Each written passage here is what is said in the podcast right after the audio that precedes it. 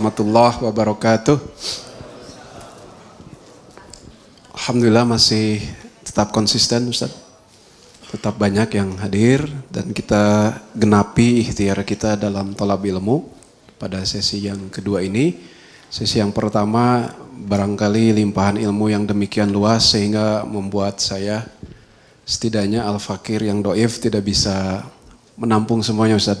Tapi mudah-mudahan Mustami mungkin sudah bisa memiliki catatan-catatan tersendiri atas penjelasan yang demikian sistematis, runtun, dan ilmiah. Oleh karena itu, untuk menggenapkan sesi yang kedua ini, insya Allah, Halo Ustadz Profesor Ugi Suharto akan membahas antara lain tentang lanjutan yang tadi, ada beberapa slide yang belum tuntas, kemudian juga terkait dengan fukoha, sunnah, dan hadis, kemudian ini juga yang pasti menarik ya, karena terutama di Indonesia ini tumbuh subur hadis yang tak bisa jadi sunnah ataupun sebaliknya sunnah yang tidak ada hadisnya. Oleh karena itu untuk efektivitas waktu dan tempat kami persilahkan kepada Ustaz Ugi Suharto. Bismillahirrahmanirrahim. Alhamdulillah rabbil alamin wassalatu wassalamu ala asyrafil anbiya wal mursalin sayyidina Muhammadin wa ala alihi wa sahbihi ajma'in. Jadi alhamdulillah eh, kita masuk pada slide yang selanjutnya. Ya, tadi saya sudah katakan bahwasannya hadis itu ada kuantit ada kualitas, ya, ada formalitas dan juga kualitasnya, kualitas-kualitas perawinya. Tetapi juga ada kuantitas. Nah, kuantitas ini juga me, apa nantinya me, apa namanya mempengaruhi nilai sebuah hadis. Ya. Nah, ini sebagai satu contoh bahwasanya hadis tentang niat tadi itu ya itu nanti tersebar ke mana-mana ya. Kalau kita lihat uh, apa namanya yang atas itu itu Sedina Sedina Umar ya kan? Paling atas sekali Sedina Umar. Nah ini sahabat lah terima hadis dari Rasulullah kan? Sedina Umar menyampaikan hadis itu nanti kepada tabiin. Ya siapa tuh? Al, uh, Alqamah ibn Waqqas Ya, nama tabi'inya Alqamah ibn Waqqas. Alqamah kemudian menyampaikan hadis lagi kepada muridnya Muhammad ibn Ibrahim At-Taimi. Ya, nah Muhammad Ibrahim At-Taimi ini sampaikan hadis kepada ya Yahya ibn Said Al-Ansari. Nah, dari beliau ini hadis ini menyebar ke seluruh penjuru dunia Islam. Ya, itu ada yang ke mana tuh? Kecil sekali itu tulisannya. Balkh, ya, Balkh kemudian apa itu? Ya yang ketiga tuh Mesir. Ya kemudian Kufah. Ya kemudian mana itu? Ya uh, terlalu kecil ya. Ya kemudian ada Mekah Syam ya. Ya ya Wasit. Ya Isfawan uh, mana itu? Ya Khurasan. Ya Wasit Khurasan. Ya Basrah Syam Nah itu ada ulama-ulamanya itu. Masing-masing kota itu ada ulama-ulamanya itu. Ya, jadi hadis itu menyebar. Nah Imam Bukhari salah satunya ada di bawah itu karena terlalu kecil sih ya. Nanti bisa digedein sendiri. Ya. Nah jadi begitu. Ini salah satu bentuk ya penyebaran hadis. Ada yang hadis-hadis yang memang sahabatnya banyak yang mendengar. Ya ini kebetulan sahabatnya hanya seorang saja yang mendengar hadis ini yaitu Umar bin Khattab. Ya kan? Bukan berarti hanya Sayyidina Umar saja mendengar. Sebenarnya ada sahabat-sahabat lain juga yang mendengar hadis ini.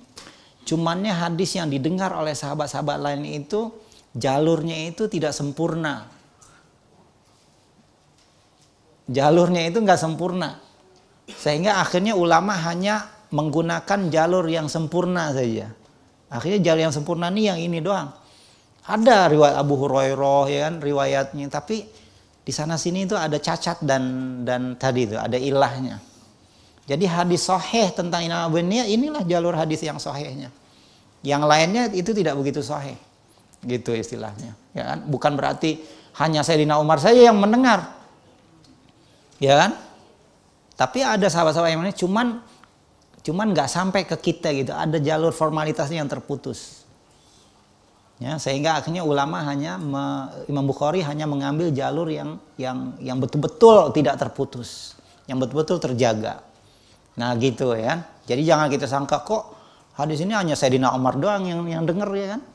Bukan itu, itu masalah tadi, itu masalah teknik penyampaian itu yang yang tidak memenuhi syarat. Ya. Nah, jadi dari ilmu hadis kita juga harus ini. Seperti misalkan kok hadis yang diriwayatkan oleh Siti Aisyah lebih banyak dari hadis yang diriwayatkan oleh Abu Bakar. Padahal Abu Bakar sahabat Rasulullah yang lama kan. Siti Aisyah anaknya Abu Bakar. Kenapa hadis-hadis dari Siti Aisyah lebih banyak dibandingkan dengan Abu Bakar? Ataupun hadis yang diriwayatkan oleh Ibnu Umar lebih banyak dari Sayyidina Umar. Apakah berarti mereka ini apa mereka reka hadis membawa tidak bukan begitu sejarah sejarahnya itu. Ketika zaman Abu Bakar zaman Umar hadis itu sudah ada di dalam di dalam dada Sayyidina Umar Abu Bakar. Cuman belum muncul ke permukaan belum muncul ke publik. Ya. Dia itu muncul ke publik melalui khususnya sahabat-sahabat yang junior nih. Siti Aisyah Abdullah bin Umar Ibnu Abbas, Anas bin Malik, ya kan, yang umurnya panjang, yang junior. Karena apa? Karena mereka berinteraksi dengan generasi tabiin. Generasi kedua nih generasi tabiin. Nah generasi tabiin ini semangat menuntut ilmu. Jadi ketika mereka menuntut ilmu dengan sahabat-sahabat yang masih ada nih, mereka banyak bertanya. Apabila banyak bertanya, akhirnya keluarlah hadis-hadis itu ya. Kan. Barulah hadis itu menjadi publik. Ya, jadi makanya hadis-hadis yang oleh sahabat junior itu lebih banyak daripada hadis-hadis yang diriwayatkan oleh sahabat-sahabat yang senior. Ya, bukan berarti sahabat, bukan berarti hadis itu baru muncul. Bukan berarti hadis itu apa uh, dibuat-buat tidak, tapi sejarahnya memang begitu. Dia baru menjadi publik. Ya. Nah, jadi jadi seperti itu ya. Nah, nanti ada hadis-hadis yang memang sahabatnya banyak meriwayatkan. Tabiinnya juga banyak meriwayatkan, tabi tabiinnya juga banyak meriwayatkan. Ada hadis yang begitu. Nah, hadis yang begitu nanti disebut sebagai hadis mutawatir. Ya, kalau yang ini namanya hadis ahad. Ya, kalau cuma satu sahabatnya, dua sahabatnya ya, tabiinnya juga begitu, namanya hadis ahad. Tapi dia tetap hadis sahih. Cuma nanti hadis sahih dibagi-bagi ada hadis yang ahad, ada hadis yang mustafid namanya masyhur ya kan, yang agak banyak sedikit jalurnya, tapi ada juga hadis yang mutawatir yang yang banyak kuantitas uh, sanatnya itu. Nah nanti kuantitas sanat ini menentukan tadi apakah hadis itu mutawatir, masyhur, atau mustafid ataupun ahad. Ahad itu nanti dibagi-bagi ada ahad yang farad, ada yang aziz, ya dan sebagainya. Ya itu sudah detail lah. Ya.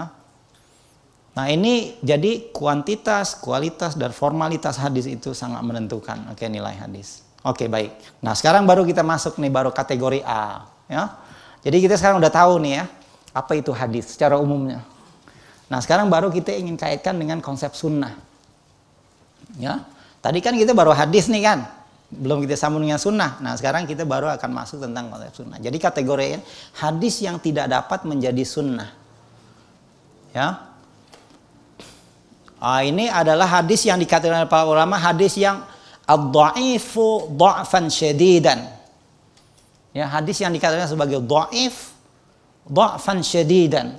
Sangat dhaif sekali, sangat lemah sekali. Ya kan? Nah, ini nggak bisa jadi sunnah. Ya. Jadi ada yang disebut sebagai hadis munkar. Ya. Ada yang disebut sebagai hadis munkar. Ya, salah satu hadis yang tidak dapat menjadi sunnah ya adalah hadis yang terlalu doif yang kadang-kadang dinamakan oleh para ulama itu sebagai hadis munkar. Apa itu hadis munkar? Huwa ma rawahu dhaif mukhal mukhalifan lithiqat. Hadis yang dilakukan oleh perawi yang dhaif yang bertentangan dengan perawi yang sikot. Tadi gitu dibicara tentang sikot kan, yang kredibel. Ada seorang perawi yang dhaif. Kemudian riwayat ini bertentangan dengan yang lebih kuat.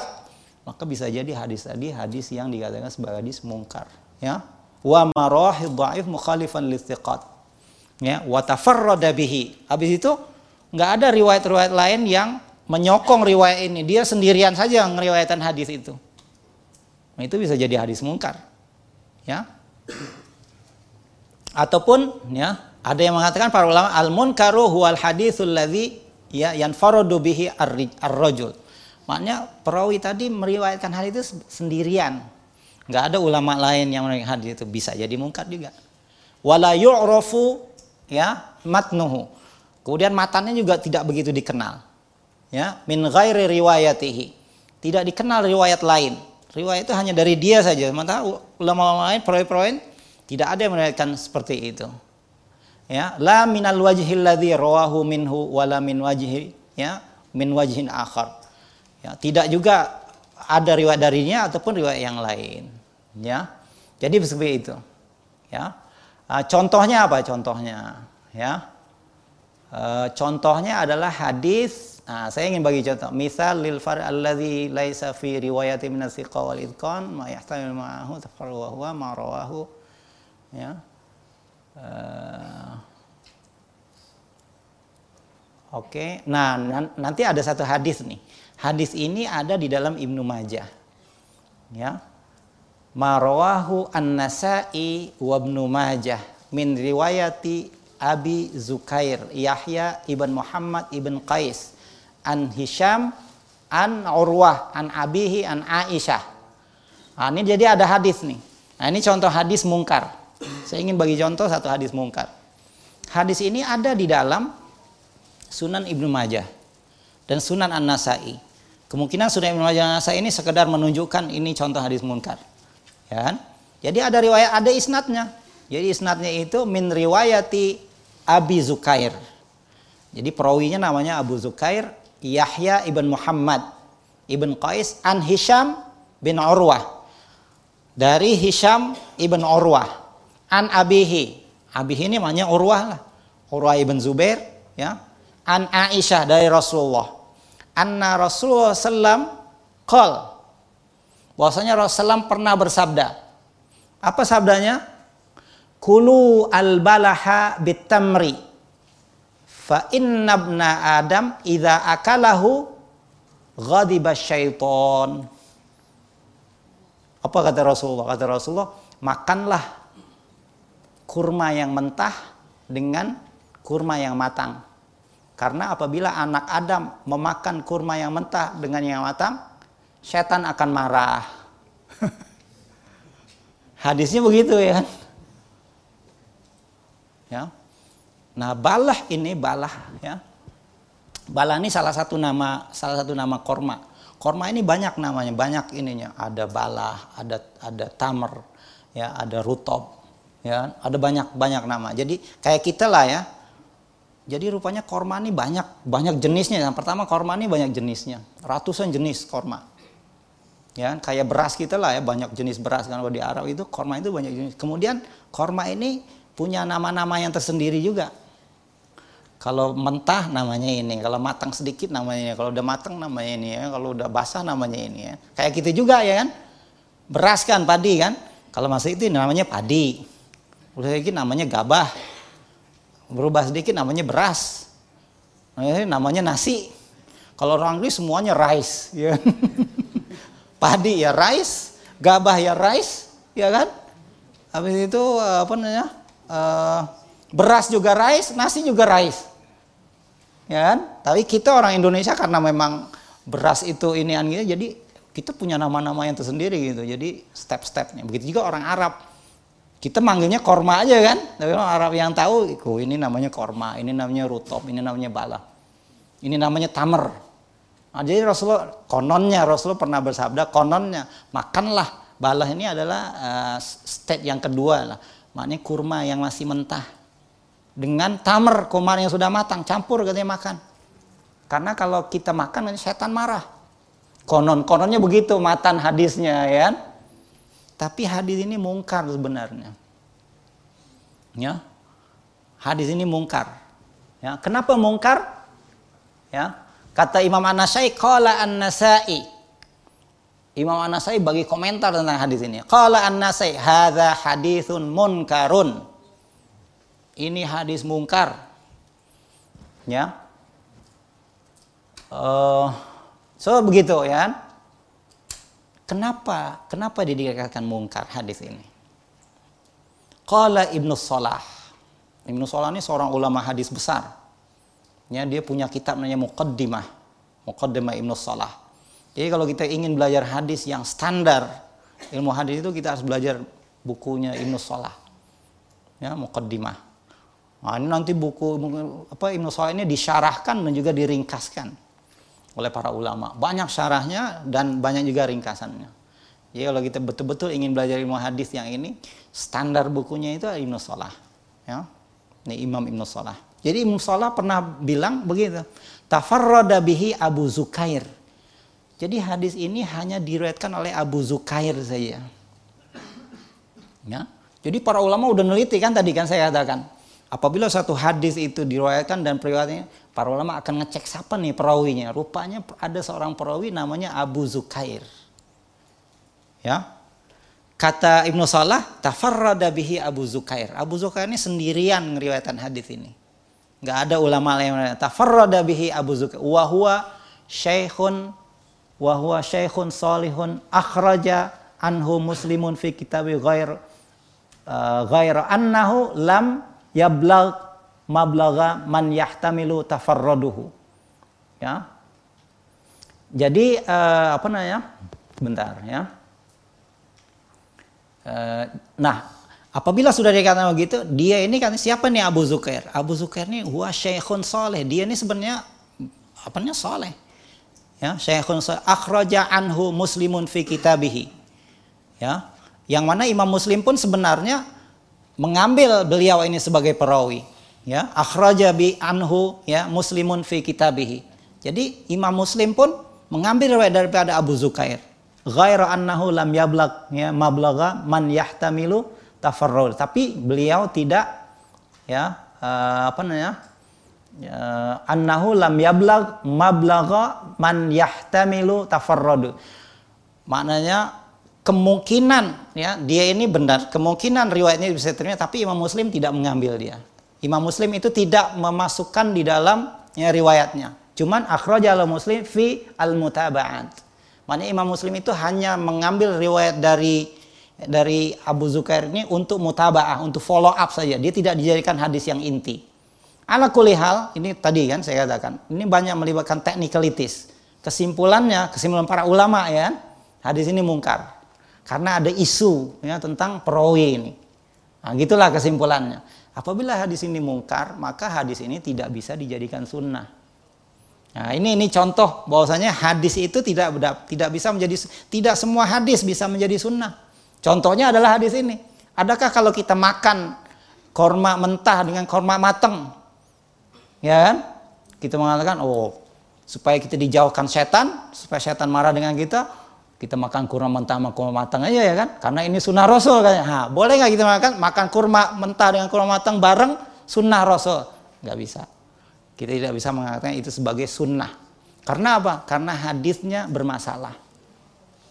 Ya. Berarti ada hadis yang tidak bisa menjadi sunnah. Nah ini. Ini contoh sebuah hadis yang tidak bisa menjadi sunnah.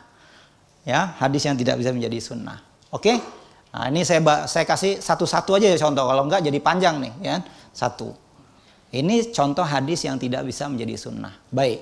Kedua, hadis yang bisa diterima tapi tidak menjadi sunnah bagi mazhab tertentu. Hadisnya sahih. Ya.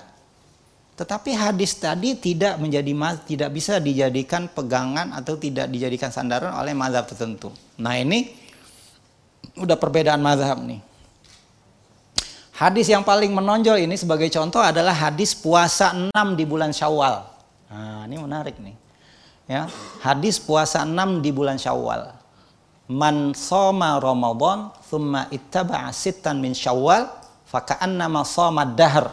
Atau kama qala Rasulullah SAW lebih kurang begitu ya. Barang siapa berpuasa Ramadan kemudian diikuti dengan enam hari bulan Syawal seolah-olahnya dia berpuasa sepanjang tahun. Hadis ini soheh. Karena apa? Karena hadis ini riwayat Imam Muslim. Bayangkan.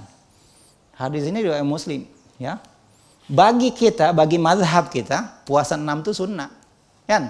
Bisa kita jadikan sunnah kan? Dan memang sudah lumrah dalam masyarakat kita, dalam mazhab kita menyatakan puasa enam itu sunnah. Ya kan? Kita, kita tidak question.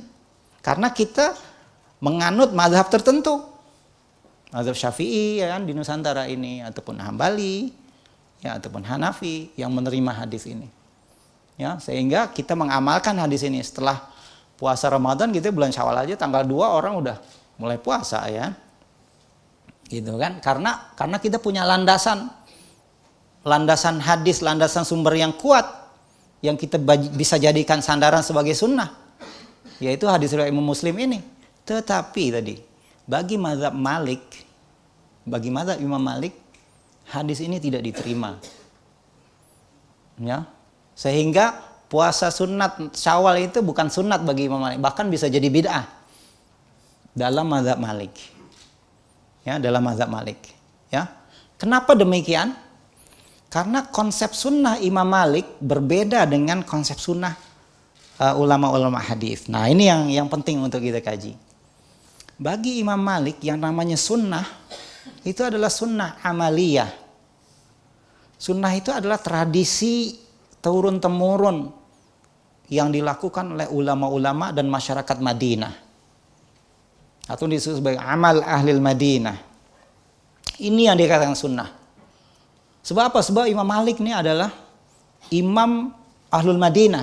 Imam Malik ini imamnya orang Madinah di zaman dialah ya. Beliau wafat tahun 179 Hijriah. Dan Madinah itu adalah tempat Rasulullah yang terakhir, tempat Khulafaur Rasyidin paling banyak, tempat tabi'in paling banyak di situ ya kan? Tempat tabi'in tabi'in paling banyak di situ sehingga tradisi masyarakat Madinah itu, amalan masyarakat Madinah itu itu dengan sendirinya melambangkan perbuatan Rasulullah, melambangkan sunnah Rasulullah. Ya kan? Karena apa? Karena itu adalah amalan turun temurun masyarakat Madinah. Sehingga bagi Imam Malik tradisi amal al Madinah itu hujah. Itu sunnah. Ya, itu melambangkan sunnah Rasulullah. Sehingga apabila ada satu berita yang aneh, yang tidak sesuai dengan awal Madinah, Imam Malik nggak langsung terima. Imam Malik nggak langsung terima. Nah di antara berita itu adalah berita tentang puasa enam ini. Ini tidak diamalkan oleh masyarakat Madinah zaman Imam Malik. Ya kan? Oleh ulama-ulama Madinah, masyarakat Madinah. Mereka nggak nggak membiasakan diri puasa enam ini. Ya kan? Sehingga oleh Imam Malik hadis tentang puasa enam ini dicurigai. ya kan? nggak bisa diterima walaupun sanatnya soheh Imam Muslim ya karena apa karena konsep sunnah Imam Malik ini lebih kepada amal sementara hadis ini lebih pada khobar. Nah, kan kan kelihatan. Jadi ada dua konsep. Ada amal ada khobar. Ada praktek ada berita. Hadis ini sebenarnya lebih pada berita. Cuma berita yang punya formalitas tadi ya kan? Sehingga berita tadi bisa berita tentang Rasulullah tadi itu. Karena tadi itu ya Rasulullah mengatakan barang siapa berpuasa Ramadan mau diikuti enam hari bulan Syawal, maka seolah-olah dia ya. Nah, itu kan isi matannya itu begitu. Oke? Okay? Sehingga kita terima dia sebagai hadis sahih dan kita jadikan sebagai sunnah. Nah, jadi ada sunnah, ada hadis yang bisa diterima oleh sebagian tapi tidak diterima oleh sebagian. Tidak bisa dijadikan sunnah oleh sebagian. Nah, contoh ini adalah contoh yang paling menarik Ya, bagaimana uh, mazhab Malik itu tidak menerima hadis ini sebagai sunnah. Nah ini saya kutip dari kitab Muwatta Imam Malik. Ya, jadi siapa-siapa yang bisa ngecek nanti coba cek ya dalam Muwatta Imam Malik ada statement ini. Qala Yahya. Yahya ini perawi dari dari apa ya dari kitab Muwatta. Jadi kitab Muwatta ini banyak rawinya, banyak periwayat, ada belasan apa riwayatnya Muwatta. Karena Imam Malik itu dulu waktu ngajar, waktu ngajar muato itu ngajar lama. Ya, puluhan tahun Imam Malik ngajar muato itu. Muridnya ganti-ganti gitu. Datang ini kan, pergi lagi, datang ini, pergi lagi. Jadi ada yang dapat sedikit, ada yang dapat banyak. Kemudian Imam Malik pun buat revision tentang kitab muato ya. Jadi banyak juga sampai belasan kitab muato itu. Cuman muato yang paling umum ya muato yang kita sebut sebagai muato Imam Malik sekarang ini adalah riwayat Yahya ibn Yahya namanya. Ya, muridnya Imam Malik. Jadi di sana ada muato-muato yang lain, di antaranya muato riwayat Imam Hasan Asy-Syaibani misalkan ada. Ya, kontennya lain itu antara muato riwayat Hasan Asy-Syaibani dengan muato Yahya ibn Yahya isinya juga lain, pembabannya juga lain. Ya. Nah, ya ini kita ambil dari muato riwayat Yahya ibn Yahya. Kata Yahya, qala Yahya sami'tu Malikan yaqul fi siyami sittati ayyam ba'dal fitri min Ramadan. Aku pernah mendengar kata Imam Malik komen, memberikan komentar tentang puasa enam setelah Idul Fitri, setelah Ramadan. Jadi Yahya ibn Yahya ini muridnya Imam Malik. Jadi katanya aku pernah mendengar dulu Imam Malik pernah bagi komentar tentang ini, tentang hadis ini. Kata Imam Malik apa? Inni lam aro ahadan min ahlil ilmi wal fiqhi yasumuha saya katanya nggak pernah melihat seorang dari ahlul ilmi dan juga ahli fikih ya semua yang puasa enam ini katanya. Kata Imam Malik. Ya. Walam ya yuballighani dzalika an ahadin minas salaf. Dan nggak ada juga katanya ulama salaf yang menyampaikan hadis ini kepada saya. Imam Malik sendiri nggak nggak menerima hadis ini. Ya. Wa anna ahlal ilmi yakrahuna ya dzalika wa yakhafuna bid'atahu ya wa an yalhiqa bi ramadan ma laysa minhu ahlul jahalah ya wal jafa. Jadi imam kenapa Imam Malik menolak hadis ini katanya? Ya sesungguhnya ahli ilmi yani ulama-ulama tidak menyukai katanya. Uh, dan takut akan membuat bid'ah kalau mengamalkan puasa enam ini. Karena masyarakat Madinah tidak mengamalkan ulama tidak mengamalkan kalau diamalkan takut takut menciptakan satu sunnah yang baru yang yang yang nggak ada gitu asasnya dari Rasulullah jadi Imam Malik takut itu bid'ah ya kan? malah jadi bid'ah nah, bagi mazhab Malik sementara bagi yang lain sunnah nah, kan nah ini gara-gara tadi itu gara-gara bagaimana memahami konsep hadis dan sunnah yang berbeda ya kan? Jadi pemahaman tentang konsep hadis yang berbeda bisa memberikan implikasi hukum yang berbeda. Ya. Ala kulihal ya kesimpulannya begitu. Ada hadis yang diterima ya kesahihannya tapi tidak menjadi sunnah bagi mazhab lain. Ya, bagi kita sunnah tapi bagi mazhab Malik tidak sunnah. Bagi mazhab Malik sunnah, bagi kita tidak sunnah. Mazhab Malik kalau sholat tangannya begini dia.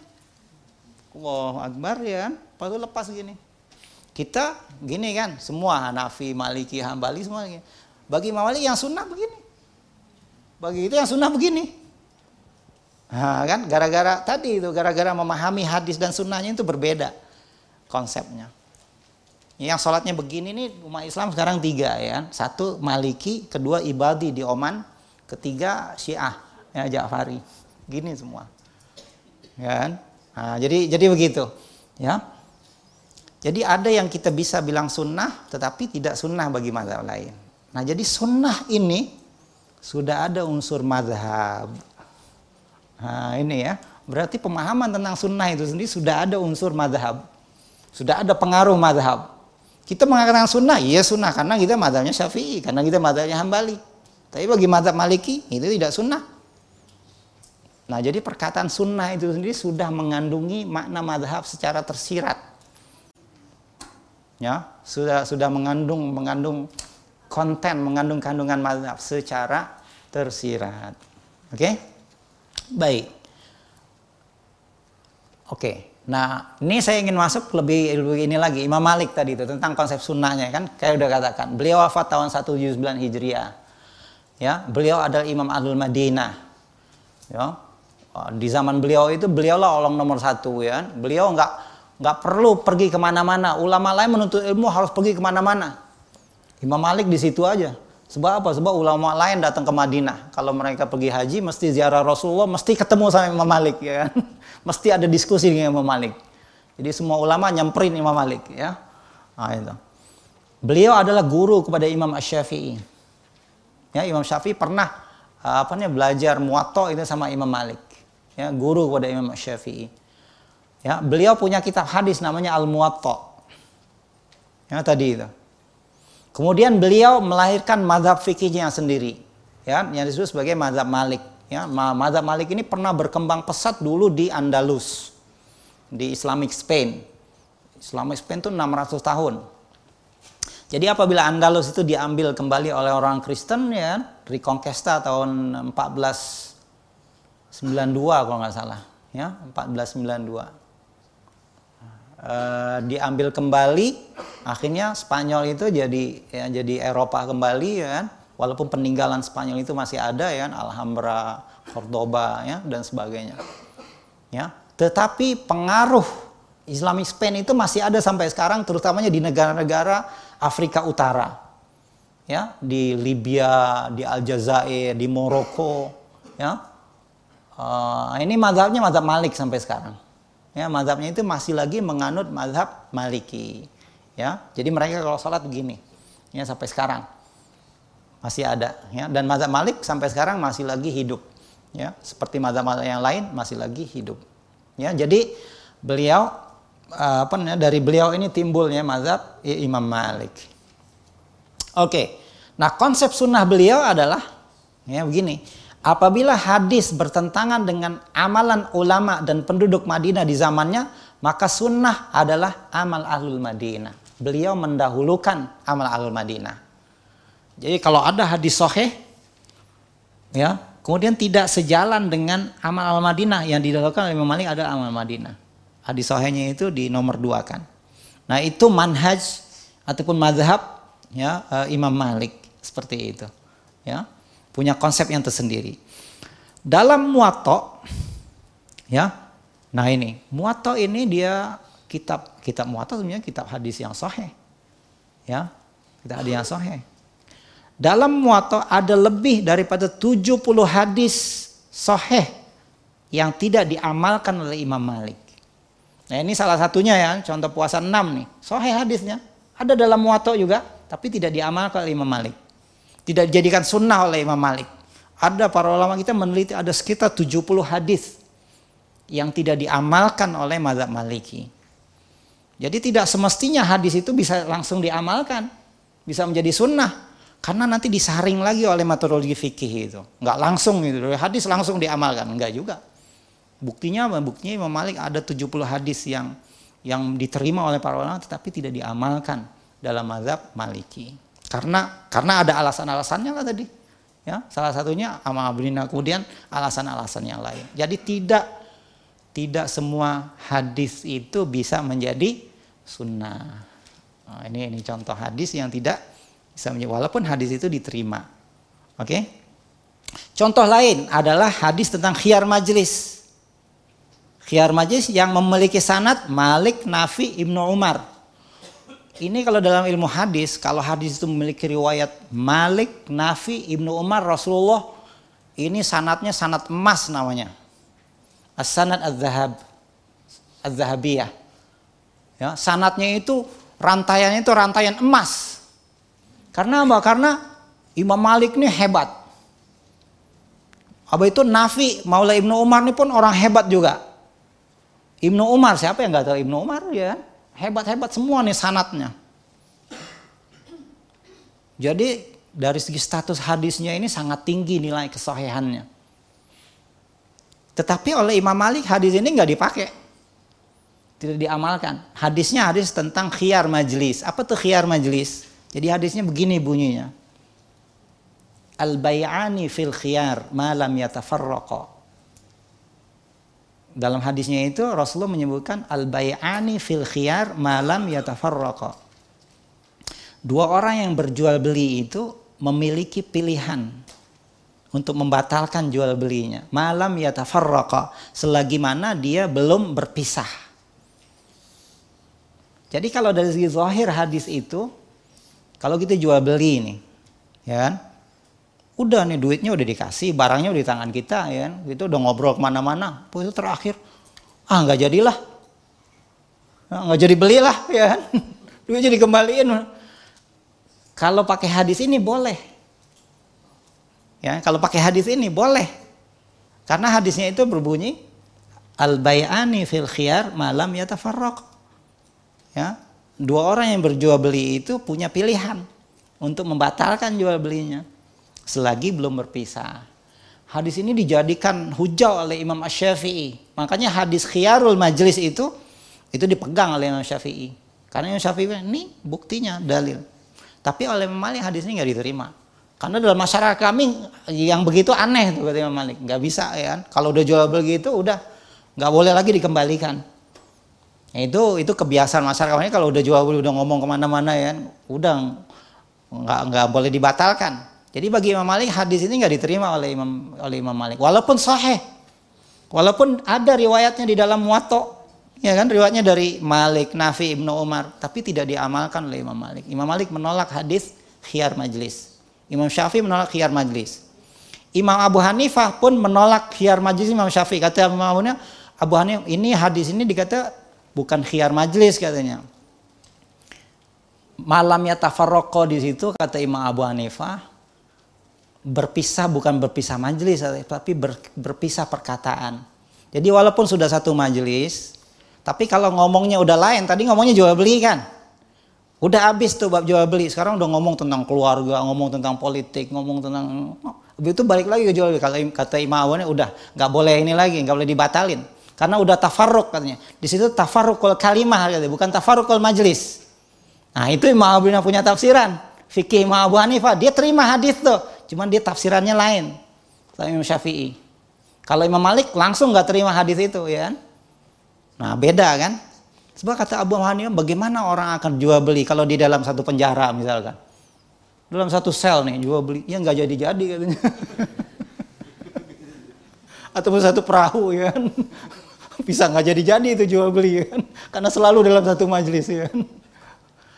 Nah, lihat Bagaimana sebuah hadis itu ditafsirkan dengan fikih bisa menjadi tiga madhab. Satu madhab yang mengatakan adanya khiar majlis. Satu dikatakan nggak ada khiar majlis itu adanya uh, apa namanya perpisahan kalam. Satu lagi nggak ada tuh khiar majlis sama sekali. Hadisnya sama ya, tapi tidak bisa dijadikan sunnah karena perbedaan mazhab. Ya, jadi di dalam sunnah itu sudah ada konsep mazhab. Ya, nah ini Ya, inilah yang dikatakan tadi tidak semua hadis yang bisa diterima itu bisa menjadi sunnah. Nah, ini contohnya. Satu lagi ya, Imam Malik ini menarik. Ya, konsep hadis dan sunnah Imam Malik ini menarik. Ya. Dalam ilmu hadis ada satu eh, apa namanya satu bentuk hadis yang namanya hadis mursal. Ya, hadis mursal. Hadis mursal itu apa? Hadis mursal adalah hadis yang nama sahabatnya itu hilang. Ya, nama sahabatnya hilang. Jadi tabi'in langsung ngomong tentang Rasulullah. Padahal tabi'in nggak pernah ketemu sama Rasulullah. Tapi dia langsung mengatakan kola Rasulullah ataupun an Rasulillah. Nah itu secara formalitasnya itu tidak formal itu. Karena apa? Karena dia harus menyandarkan kepada ya kepada sahabat. Baru dia nyambung sanatnya baru dia itisol. Ini maknanya ada yang terputus. Nah kalau hadis hadis apa sanatnya terputus pada sahabat, maknanya ada missing link pada sahabat, hadis itu dinamakan hadis mursal. Tadi kan saya sudah katakan kalau putusnya di sini ini namanya, putusnya di sini namanya, ya kan? Kalau putusnya di sini ada yang menamakan munqati misalnya, ada yang menamakan mu'dal misalnya. Nah kalau putusnya itu sahabat, itu namanya mursal itu memang memang itu itu nama nama khususnya hadis ini hadis mursal. Hadis mursal secara teknisnya secara formalnya dhaif. Ya kan? Karena apa? Karena ada rantai yang terputus. Kan tadi itu hadis yang sahih itu harus itisalul isnadnya. Sementara dia ada rantai terputus. Secara teknisnya hadis itu adalah dhaif. Ya? Tapi kita lihat bagaimana para fukoha menilai hadis mursal Nah, ya ini. Nah, di sinilah ada perbedaan di antara fukoha dengan ahlul hadis. Ya, ini ada perbedaan lagi nih. Ya, antara fukoha dengan ahlul hadis, khususnya dalam mensikapi hadis mursal. Hadis mursalnya hadis doif, ya, secara teknisnya. Oke baik, apa itu hadis mursal? Hadis mursal adalah hadis yang nama perawi sahabat radhiyallahu hilang dan hanya sampai kepada perawi tabiin saja. Ya, jadi nama sahabatnya itu hilang. Dan hadis mursal ini banyak ya di dalam kitab Muwatta. Ya, dalam kitab Muwatta ini hadis mursal ini banyak. Jadi secara formal hadis mursal ini adalah hadis dhaif. Karena apa? Karena terputus istannya tadi kan. Nah, tetapi Imam Malik menerima hadis mursal sebagai sohe. Nah, ini sudah ada pergeseran makna. Dari makna sohe yang kita fahami tadi, menurut ulama hadis dengan makna sahih menurut Imam Malik dan juga khus, Imam Malik khususnya dan menurut fuqaha umumnya. Nah, di sini saya ingin masuk. Sebab itu saya katakan dari awal istilah sahih itu sangat teknis. Satu di kalangan para muhadis sendiri memiliki apa namanya kriteria tertentu yang sangat teknis. Habis itu fuqaha. Sebab fuqaha dengan muhadis ini adalah dua kelompok ulama yang berlainan. Kita harus bedakan antara fuqaha dengan muhaddisun. Kalau empat imam ini ini fuqaha. Ini imam-imam fikih. Dari mulai Imam Abu Hanifah, ya, Imam Malik, ya, Imam Asy-Syafi'i, Imam Ahmad. Nah, ini fuqaha. Dan mereka lebih awal dari muhaddisun. Dari segi kesejarahannya itu. Imam Abu Hanifah wafat tahun 150 Hijriah. Imam Malik wafat tahun 179 Hijriah. Imam Syafi'i wafat tahun 204 Hijriah. Imam Ahmad wafat tahun 241 Hijriah. Nah, Imam Ahmad ini adalah pertengahan di antara fuqaha dengan muhaddisun. Imam Ahmad inilah nantinya yang melahirkan muhaddisun, melahirkan Imam Bukhari, melahirkan Imam Muslim, Imam Tirmizi dan lain. Ini murid ini sebenarnya mengikuti pola Imam Ahmad, banyak mengikuti mazhab Imam Ahmad. Ya. Tapi bukan mazhab fikihnya ya, mazhab hadisnya. Nah, ini. Makanya setelah itu namanya muhaddisun Bukhari, Muslim, Abu Dawud, Tirmidzi, An-Nasai ini muhaddisun kita alul hadis. Kita katakan ya ini fuqaha. Nah, jadi ada pengertian-pengertian tertentu tentang sunnah yang berbeda di antara fuqaha ya dengan muhaddisun. Bukan saja sunnah, bahkan hadis sendiri berbeda di antara fuqaha. Kenapa begitu? Karena perbedaan di dalam ilmu diroyah namanya. Ya, nah di sini ada satu cabang lagi ilmu hadis namanya ilmu diroya. Ilmu diroya ini ilmu yang mempelajari tentang bagaimana satu hadis, teori tentang penerimaan ilmu hadis. Nah ini namanya ilmu diroya. Teori-teori di sebalik penerimaan dan penolakan hadis. Ini namanya ilmu diroya. Ya. Nah, apa namanya para fukoha punya diroyanya tersendiri yang memiliki sedikit perbedaan dengan diroya ya uh, para uh, muhaddisun. Jadi Imam Malik bisa menerima hadis mursal sebagai sahih. Ya Imam Malik. Begitu juga Imam Abu Hanifah. Imam Abu Hanifah pun bisa menerima hadis mursal itu sebagai sahih. Maknanya dijadikan hujah oleh Imam Abu Hanifah. Walaupun hadis mursal. Imam Malik pun memakai hadis mursal. Imam Abu Hanifah memakai hadis mursal. Ya, Imam Syafi'i pun ya. Nah, Imam Syafi'i adalah sarjana yang pertama kali mempersoalkan hadis mursal. Sebenarnya hadis mursal itu pada awalnya diterima oleh fuqaha. Tapi lepas itu hadis mursal itu di question oleh seorang imam besar, Imam Syafi'i sendiri yang pertama kali mengquestion hadis mursal itu Imam Syafi'i.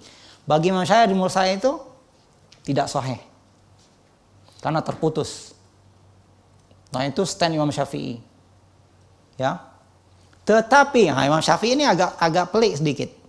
Tetapi Imam Syafi'i mengecualikan beberapa hadis mursal. Diterima juga ya. Bukan keseluruhannya oleh Imam Syafi'i ditolak. Ada hadis mursal yang diterima juga Imam Syafi'i. Jadi Imam Syafi'i nggak bisa keluar juga dari dari framework fukoha ini. Ya kan? Kalau muhaddisun, oh, mereka udah bisa keluar karena mereka nggak nggak nggak berpegang dengan metodologi fukoha. Mereka pakai pakai formalitas hadis saja. Sehingga hadis mursal itu doaif sudah bagi bagi muhadisun, bagi Bukhari, bagi Muslim, bagi Abu Dawud sudah itu doaif. Tapi Imam Syafi'i ini tengah-tengah. Ya, Imam Syafi'i ini juga sebenarnya yang melahirkan Imam Ahmad. Kan? Karena Imam Ahmad ini adalah murid Imam Syafi'i. Nah, Imam Syafi'i ini ada dua qaul ada qaulul qadim, ada qaulul jadid. Nah, Imam Ahmad banyak mengambil dari qaulul qadim Imam Syafi'i. Sementara yang dikatakan mazhab Syafi'i itu adalah qaulul jadidnya Imam Syafi'i. Nah, di situ sejarahnya gimana Imam Ahmad hanya berpisah dengan Imam karena dia mengambil banyak mengambil qaulul qadimnya Imam Syafi'i. Ya, sementara yang yang dikatakan mazhab Syafi'i itu adalah qaulul jadid. Ya, pendapat barunya Imam Syafi'i ketika Imam Syafi'i di Mesir. Ya, Nah, Imam Syafi'i kan wafat akhirnya di Mesir kan. Berkembang di Baghdad, ya di, ketika itu diikuti oleh Imam Ahmad. Jadi akhirnya beliau pindah ke Mesir, di Mesir punya pendapat-pendapat yang baru yang berbeda dengan fatwa-fatwanya ketika di Baghdad. Ya, maka lahirlah yang sebagai qaulul qadim. Ya, ya qaulul jadid. Ya. Baik. Nah, Imam Syafi'i ini dalam menilai hadis mursal pun dia menerima sebagai hadis mursal. Khususnya hadis mursal yang diriwayatkan oleh Imam Ibnul Ibnul Musayyib. Ada seorang Sayyidut Tabi'in, ya, penghulu para tabi'in. Namanya Imam ya, Ibnul Musayyib. Sa'id Ibnul Musayyib. Ya. Beliau ini digelari apa ulama kita sebagai Sayyidut Tabi'in, penghulunya segala tabi'in. Nah, Imam Syafi'i kalau hadis itu diriwayatkan oleh Ibnul Musayyib, walaupun mursal, diterima oleh Imam Syafi'i. Jadi kalau Ibnu Musayyib ini qala Rasulullah diterima oleh Imam Syafi'i, sahih hadisnya tuh ya. Udah Imam Syafi'i enggak walaupun mursal secara teknis ya formalitasnya mursal. Karena Ibnu Musayyib ini enggak pernah ketemu Rasulullah, mereka ketemu sahabat. Ya. Tapi Imam Syafi'i karena apa? Karena saya Ibnu Musayyib ini dia enggak pernah bohong, dia soleh. Jadi nggak mungkin kata Imam Syafi'i saya Ibnu Musayyib ini berbohong. Jadi kalau Ibnu Sa'id mengatakan kalau Rasulullah mesti itu ada ininya, mesti ada sahabatnya yang yang menyampaikan. Cuman cuman waktu itu ketika dia sampaikan, dia sampaikan secara tidak formal, tapi tetap ya bernilai. Ah gitu. Ah, lihat kan? Ya kalau kita udah masuk pada technicalities itu sudah banyak isunya. Oke? Okay? Jadi jadi lebih kurang seperti itu, ya. Nah, sekarang kita lihat imam madhab dan juga hadis mursal tadi kan. Jadi Imam Abu Hanifah menerima hadis mursal. Ya, selagi diriwayatkan oleh pemuka tabi'in. Nah, ini ini standnya Imam Abu Hanifah. Ya, yang sangat terpercaya seperti misalkan saya Ibnu Musayyab, Imam Az-Zuhri, Al-Qamah, Masruq, ya kan? Asy-Sya'bi, Hasan Al-Basri. Ini semua tabi'in nih. Bagi Imam Abu Hanifah kalau tabi'in tabi'in ini mengatakan qala Rasulullah walaupun tidak menyebut sahabat, diterima oleh Abu Hanifah sebagai sahih. Nah ini ini stand Abu Hanifah. Ya. Nah nanti kalau ada mazhab hadis oh hadis ini doif, nah, Abu Hanifah udah nggak peduli kan, ya nggak peduli karena apa? Karena hal itu udah diterima, ya nggak mungkin kata Imam Abu Hanifah ya eh, saya menurut saya al masuk ini berbohong, nggak mungkin ya. Cuman secara formalnya cuman disamanya tidak tidak formal saja ya, cuma masalah formalitas saja ya. Tapi dari kandungannya nggak mungkin apa nih mereka berbohong. Makanya Imam Abu terima. Nah kita lihat bedanya di antara Imam Abu dengan muhaddisun yang selanjutnya, yang generasi selanjutnya. Jadi muhaddisun ini lebih kepada mementingkan formalitas. Sementara fukoha kalau tidak formal sedikit pun masih bisa diterima. Karena apa? Nah ini. Karena mereka hidup lebih awal, lebih dekat kepada generasi awal. Sehingga formalitas itu tidak begitu diperlukan. Sementara muhadithun yang hidup kemudian itu memerlukan formalitas. Kita kalau udah dekat sama orang nggak perlu formalitas kan? Kalau gitu jauh itu makin formal. Kan biasanya kita begitu kan? Semakin jauh semakin jauh itu formalitas semakin diperlukan. Tapi kalau kita dekat tidak perlu formalitas itu. Nah, generasi vokal ini masih dekat. Sehingga segala formalitas hadis itu tidak begitu penting bagi mereka. Sehingga kurang-kurang sedikit itu masih oke okay lah. Tapi bagi muhadisun nggak boleh. Karena jauhnya mereka. Sehingga mereka lebih ketat lagi syaratnya. Ya, syaratnya itu harus lebih ketat lagi. Sementara syarat bagi fukaha itu kurang kurang begitu inilah ya kurang begitu ketat karena terlalu formal udah udah sudah tidak formal kayak kita dekat dengan orang kan kalau kita dekat dengan orang ya kita juga formalitas nggak nggak perlu tulis surat juga dulu kalau mau ketemu ya kan? Nggak perlu karena kita sudah ter, sudah dekat. Nah begitu juga ya dalam Imam Malik misalnya menerima hadis mursal terutama dari fuqaha tujuh Madinah. Nah di Madinah ini ada ada fuqaha sabah ya. Ada fuqaha-fuqaha yang terkemuka. Siapa itu mereka? Sa'id ibn Musayyab Urwah ibn Zubair. Nah, ya ini Urwah bin Zubair ini anaknya Zubair ibn Awam Ya. Habis itu Abdullah bin Umar, Salim bin Abdullah bin Umar, ini cucunya Sayyidina Umar. Ya. Salim bin Abdullah bin Umar, cucunya Sayyidina. Qasim bin Muhammad bin Abu Bakar, ini cucunya Abu Bakar. Ya. Abu Salama bin Abdurrahman bin Auf. Wah, ini anaknya Abdurrahman bin Auf. Ya. Kemudian eh, Sulaiman ibn Yasar, kemudian Kharijah bin Zaid ibn Thabit. Nah, ini ini anaknya Zaid ibn Thabit ini. Nah ini semua ulama-ulama fuqaha-fuqaha Madinah nih. Yang disebut fuqaha tujuh Madinah. Nah Imam Malik ini belajar dari mereka semua. ya, dari dari dari ulama-ulama uh, Madinah ini yang banyak. Jadi kalau seandainya mereka ini meriwayatkan hadis, ya ulama Madinah meriwayatkan hadis dan hadis itu mursal diterima oleh Imam Malik. Ya, di, di apa namanya sahih hadis itu bagi Imam Malik. Nah, Imam Syafi'i bagaimana stand Imam Syafi'i terhadap hadis mursal? Hadis mursal itu dhaif kata Imam Syafi'i. Ya, hadis mursal itu dhaif kata Imam kecuali yang diriwayatkan secara mursal oleh perawi tertentu seperti Sa'id Musayyab, Hasan Al-Basri. Nah, ini masih bisa diterima oleh Imam Syafi'i. Nah, jadi Imam Syafi'i ini dia pertengahan ya antara fuqaha ya dengan muhaddithun, ya. Imam Ahmad bagi Imam hadis mursal itu dhaif. Nah, udah sampai Imam Ahmad, udah hadis mursal itu dhaif. Sampai Bukhari, Muslim, Abu Hurairah sudah dhaif semua.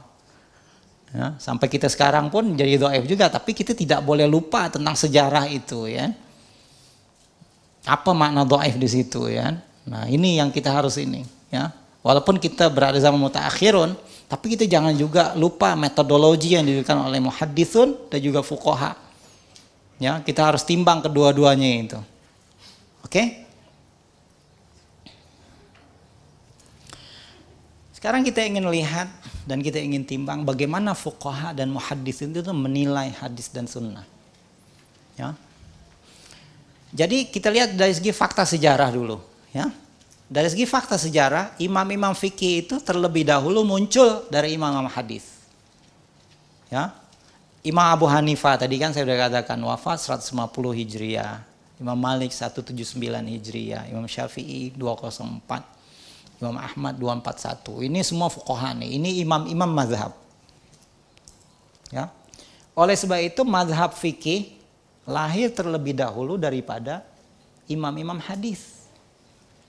Sebab itu tidak ada mazhab Bukhari, mazhab Muslim, mazhab Abu Daud, mazhab Tirmidzi itu nggak ada. Yang ada itu adalah mazhab Hanafi, mazhab Maliki, mazhab Syafi'i, mazhab Hambali. Tidak ada mazhab Bukhari. Karena Imam Bukhari itu yang diambil hanya hadisnya. Bukan fikihnya. Ya. Fikih dengan hadis jauh berbeda. Ya, hadis itu hanyalah salah satu input untuk menjadi fikih. Ya. Jadi untuk menjadi fikih, untuk menjadi hukum fikih itu yang diperlukan itu banyak. Hadis itu hanyalah salah satunya. Ya. Untuk menjadi fikih itu perlu Quran. Of course perlu hadis. Perlu bahasa, bahasa Arab. Ya karena Quran dan hadis itu bahasa Arab. Bahasa Arab ini ada fasohnya dan ada balaghahnya. Ada prosanya dan ada sastranya. Itu bahasa Arab. Ada madhabnya juga. Ada madhab Kufah ada madhab Basroh kalau kita belajar matan ajrumiyah al-kalamu wa lafzul murakkab wa huruful uh, khafdi kita katakan huruf khafat setengah orang bilang huruf jar sama aja dengan huruf dengan huruf jar, cuman khofa itu istilah dalam saya lupa ya apakah itu mazhab Basroh atau mazhab Kufah ya. Mazhab ini mengatakan khofat istilahnya, mazhab ini mengatakan jar. Sebenarnya sama aja ya kan, cuman tadi itu hatta dalam bahasa pun ada mazhab dalam bahasa Arab. Ya. Jadi perlu Quran. Of course perlu hadis. Perlu bahasa.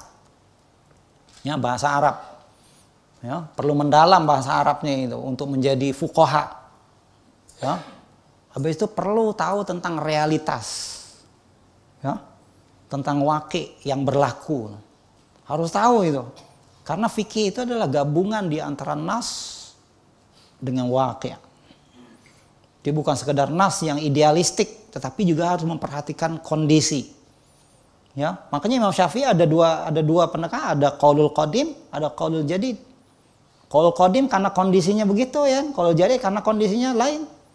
Melahirkan fatwa, melahirkan fikih yang lain. Nah maknanya waki ini, kondisi itu sangat penting ya untuk melahirkan hukum. Jadi bukan sekedar hadis. Jadi Quran, hadis, bahasa Arab, waki. Kemudian dia perlu tahu juga makosidus syariah. Ya, makosid tujuan daripada syariah itu. Dia tidak hanya melihat letter, tidak hanya melihat awal, tapi tujuan besarnya itu harus tahu. Ya, nah ini ilmu makos ini pun ilmu yang yang apa nih yang yang tersendiri kan. So jadi untuk menjadi fuqaha dia harus tahu kalau Quran.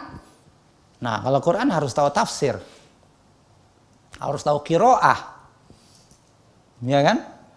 Quran maknanya harus tahu tafsir. Selain tahu bahasa Arab ya, tahu tafsirnya. Tahu kiroah. Kiroahnya lain, hukumnya lain. Kiroah pun ada madhab ya kan? Ada kiroah sab'ah. Kita ini baca Quran cuma pakai satu kiroah. Kiroah Imam Hafiz. Ya, satu aja. Ya kan? Dan Quran yang kita baca ini hanya dari satu kiroah saja. Saya ada empat, empat, empat kiroah Quran yang dicetak. Ya, yang kebanyakan kita ini pakai Quran riwayat Imam Hafiz kan. Ada lagi riwayat Imam uh, Warash, Imam Duri, Imam Kolun yang dipakai di Libya dan sebagainya. Ini dicetak empat-empatnya ini. Nah perbedaan kira itu bisa melahirkan perbedaan mazhab. Jadi fuqaha ini lebih kaya dan lebih apa namanya lebih susah ya untuk menjadi fuqaha, untuk menjadi imam seperti Imam Abu Hanifah, Imam Malik, Imam Syafi'i itu memang dan dan apa nih imam-imam ini di, di apanya didukung oleh ulama-ulama ada ulama bahasa yang mendukungnya, ada ulama tafsir yang mendukungnya, ada ulama hadis yang mendukung. Contoh misalnya dalam madhab syafi'i banyak didukung oleh ulama hadis. Ya, contohnya misalkan Imam Ibnu Hajar Al Asqalani madhabnya masih syafi'i, walaupun dia adalah Amirul Mukminin fil hadis. Imam Ibnu Hajar itu Amirul Mukminin fil hadis bukan sekedar hafiz. Kalau hafiz itu itu hafalnya 100 ribu hadis saja tapi kalau Imam Ibnu Hajar lebih dari itu karena dia Amirul Mu'minin fil hadis. Ya kan? Itu pun masih bermadhab Syafi'i. Imam Ibnu Hajar Asqalani, Imam An-Nawawi. Siapa yang nggak tahu Imam Nawawi? Masih bermadhab Syafi'i ya kan? Imam As-Suyuti. Nah, jadi mazhab ini didukung oleh berbagai ulama dari berbagai disiplin, termasuk disiplin hadis disiplin tafsir, ya, disiplin bahasa. Ya. Nah, itu didukung oleh itu. Makanya mazhab itu mazhab adalah metodologi berpikir dan beramal secara sistematik. Nah, itu mazhab. Secara metodologis dan bersambung. Itu mazhab. Ya. Kan? Jadi mazhab itu bukan bukan sederhana ya. Kan? Dia mendalam karena dia adalah metodologi yang yang bisa dipertanggungjawabkan. Ya, baik. Nah, itu fukoha, ya, itu fukoha. Nah, muhadis, nah ini Imam Bukhari, ya kan, 256, Imam Muslim 261 wafatnya, Imam At-Tirmidzi 269, Ibnu Majah ya 273 wafatnya, Abu Daud 27 276, An-Nasai 303. Ya. Nah, ini Imam ini hadir setelah Imam Mazhab. Ya kan? Mereka muncul setelah Imam Mazhab dan mereka memberikan kontribusi yang lebih spesifik. Mereka ini spesialis lah kita katakan. Ya kan? Makanya dulu katanya muhadis itu ibarat farmasis, ibarat apoteker. Sementara fuqaha itu ibarat dokter. Nah, itu para ulama kita membandingkannya begitu. Muhadis itu apoteker, fuqaha itu dokter. Mana yang lebih tinggi? Ah. Jadi tempatnya di situ ya kan. Antara muhadin dengan dengan fuqaha itu ibarat antara dokter dengan apoteker ya. Nah hadis ini setelah zaman Imam Ahmad dimulai dikompilasi secara besar-besaran. Ya. Imam Ahmad dan yang terakhir kompilasi di ini di zaman Imam Al Baihaqi. Uh, kitabnya itu apa namanya? Siapa yang ingat kita? Nama kita Al-Baihaqi. As-Sunan Al-Kubro. Ya, As-Sunan Al-Kubro. Nah, itu kitab kitab uh, sunannya Imam Baihaqi. Imam Baihaqi wafat tahun 458. Setelah itu nggak ada lagi kitab yang besar yang punya isnad yang lengkap ya kan? setelah beliau setelah Imam Ini Imam Baihaqi di antara jadi abad kelima udah kita kita hadis itu sudah hampir ter, terkodifikasi semuanya, sudah hampir terlacak semua. Ya, sudah terlacak lah dari seluruh dunia itu sudah. Ada kitab hadis yang diberi nama Sunan, kan? Kita kan kenal kan Sunan Abi Daud, Sunan At-Tirmidzi, Sunan An-Nasai, Sunan Ibnu Majah, Sunan Ad-Darimi, Sunanul Kubro Al-Baihaqi. Kenapa kitab hadis itu dinamakan Sunan? Sementara Imam Bukhari kitabnya bukan Sunan namanya. Al-Jami As-Sahih ya, Al-Musnad Al Al-Mukhtasar. Al-Jami As-Sahih. Imam Muslim pun bukan kita nggak sebut Sunan Muslim. Ya, tapi kalau At-Tirmizi, An-Nasai, Ibnu Majah, Abu Daud kita namakannya Sunan Abi Daud. Jadi sunan ini adalah dari perkataan sunnah. Ya, sunan dengan sunnah itu sunnah itu jamak dari sunnah sebenarnya sunan. Ya, sunnatun jamaknya sunan. Nah, para ulama kita menamakan kitab-kitab hadis sebagai sunan karena apa? Karena ini adalah kompilasi hadis-hadis yang sudah biasa diamalkan oleh berbagai mazhab. Diamalkan ini dijadikan sunnah. Nah gitu. Diamalkan dijadikan sunnah oleh berbagai mazhab. Oleh sebab itu kalau kita baca hadis hari dalam Sunan Abi Daud, Sunan Imam Abu Daud itu mengumpulkan hadis-hadis yang dipakai oleh Imam Abu Hanifah, yang dipakai oleh apa nih Imam Syafi'i, yang dipakai oleh Imam Malik, yang dipakai oleh Imam eh, Ahmad, ada di situ semua. Ada dalilnya di situ semua. Imam Syafi'i katalah berkunut subuh kan, ada hadis kunut subuh tuh di di Sunan Abi Daud. Ya kan? Imam eh, Hanafi misalkan sholatnya apanya uh, uh, uh, angkat tangannya sekali saja waktu takbir, ada hadisnya di situ. Jadi sunan nih seperti fikus sunnahnya kita lah sekarang ya, mengumpulkan semua hadis-hadis gitu. Tapi tinggal lagi perbedaan sunan itu Imam Abu Dawud tuh punya sanatnya. Lain dengan Said Sabik sekarang ya, Said Sabik nggak nggak ada sanatnya kan hadisnya itu sekedar ngambil dari berbagai hadis saja ya. Said Sabik sendiri tidak tidak memunculkan sanatnya. Tapi kalau Imam Abu Dawud, Imam Tirmidzi, Imam Haibaki, Imam Baihaqi ada tuh sanatnya. Beliau dapat hadis itu dari gurunya, dari gurunya, dari gurunya sampai pada Rasulullah. Ya. Nah, jadi seperti itu. Kenapa dikatakan sunan tadi itu? Karena tadi, karena hadis-hadis itu sudah diamalkan oleh mazhab. Ya. Begitu juga kitab Bulughul Maram min Adillatil Ahkam. Ya kan? Kitab yang dikarang oleh uh, Ibnu Hajar Asqalani ya, Imam Ibnu Hajar Asqalani. Itu adalah kumpulan hadis-hadis yang digunakan oleh berbagai mazhab juga. Sama, makanya namanya kita Bulughul Maram min adillatil ahkam. Maknanya adillatil ahkam itu dari dalil-dalil hukum. Inilah hadis-hadis yang dijadikan dalil hukum oleh berbagai madhab. Ya, jadi hadis fungsi Sunan Abi Daud, Sunan At-Tirmidzi, fungsi bulughul maram bukan untuk menghilangkan mazhab. Ya, bukan untuk menghilangkan mazhab, tapi untuk menunjukkan bahwasanya setiap mazhab itu ada dalilnya. Ada hadisnya. Nah, jangan dibalik ya kan.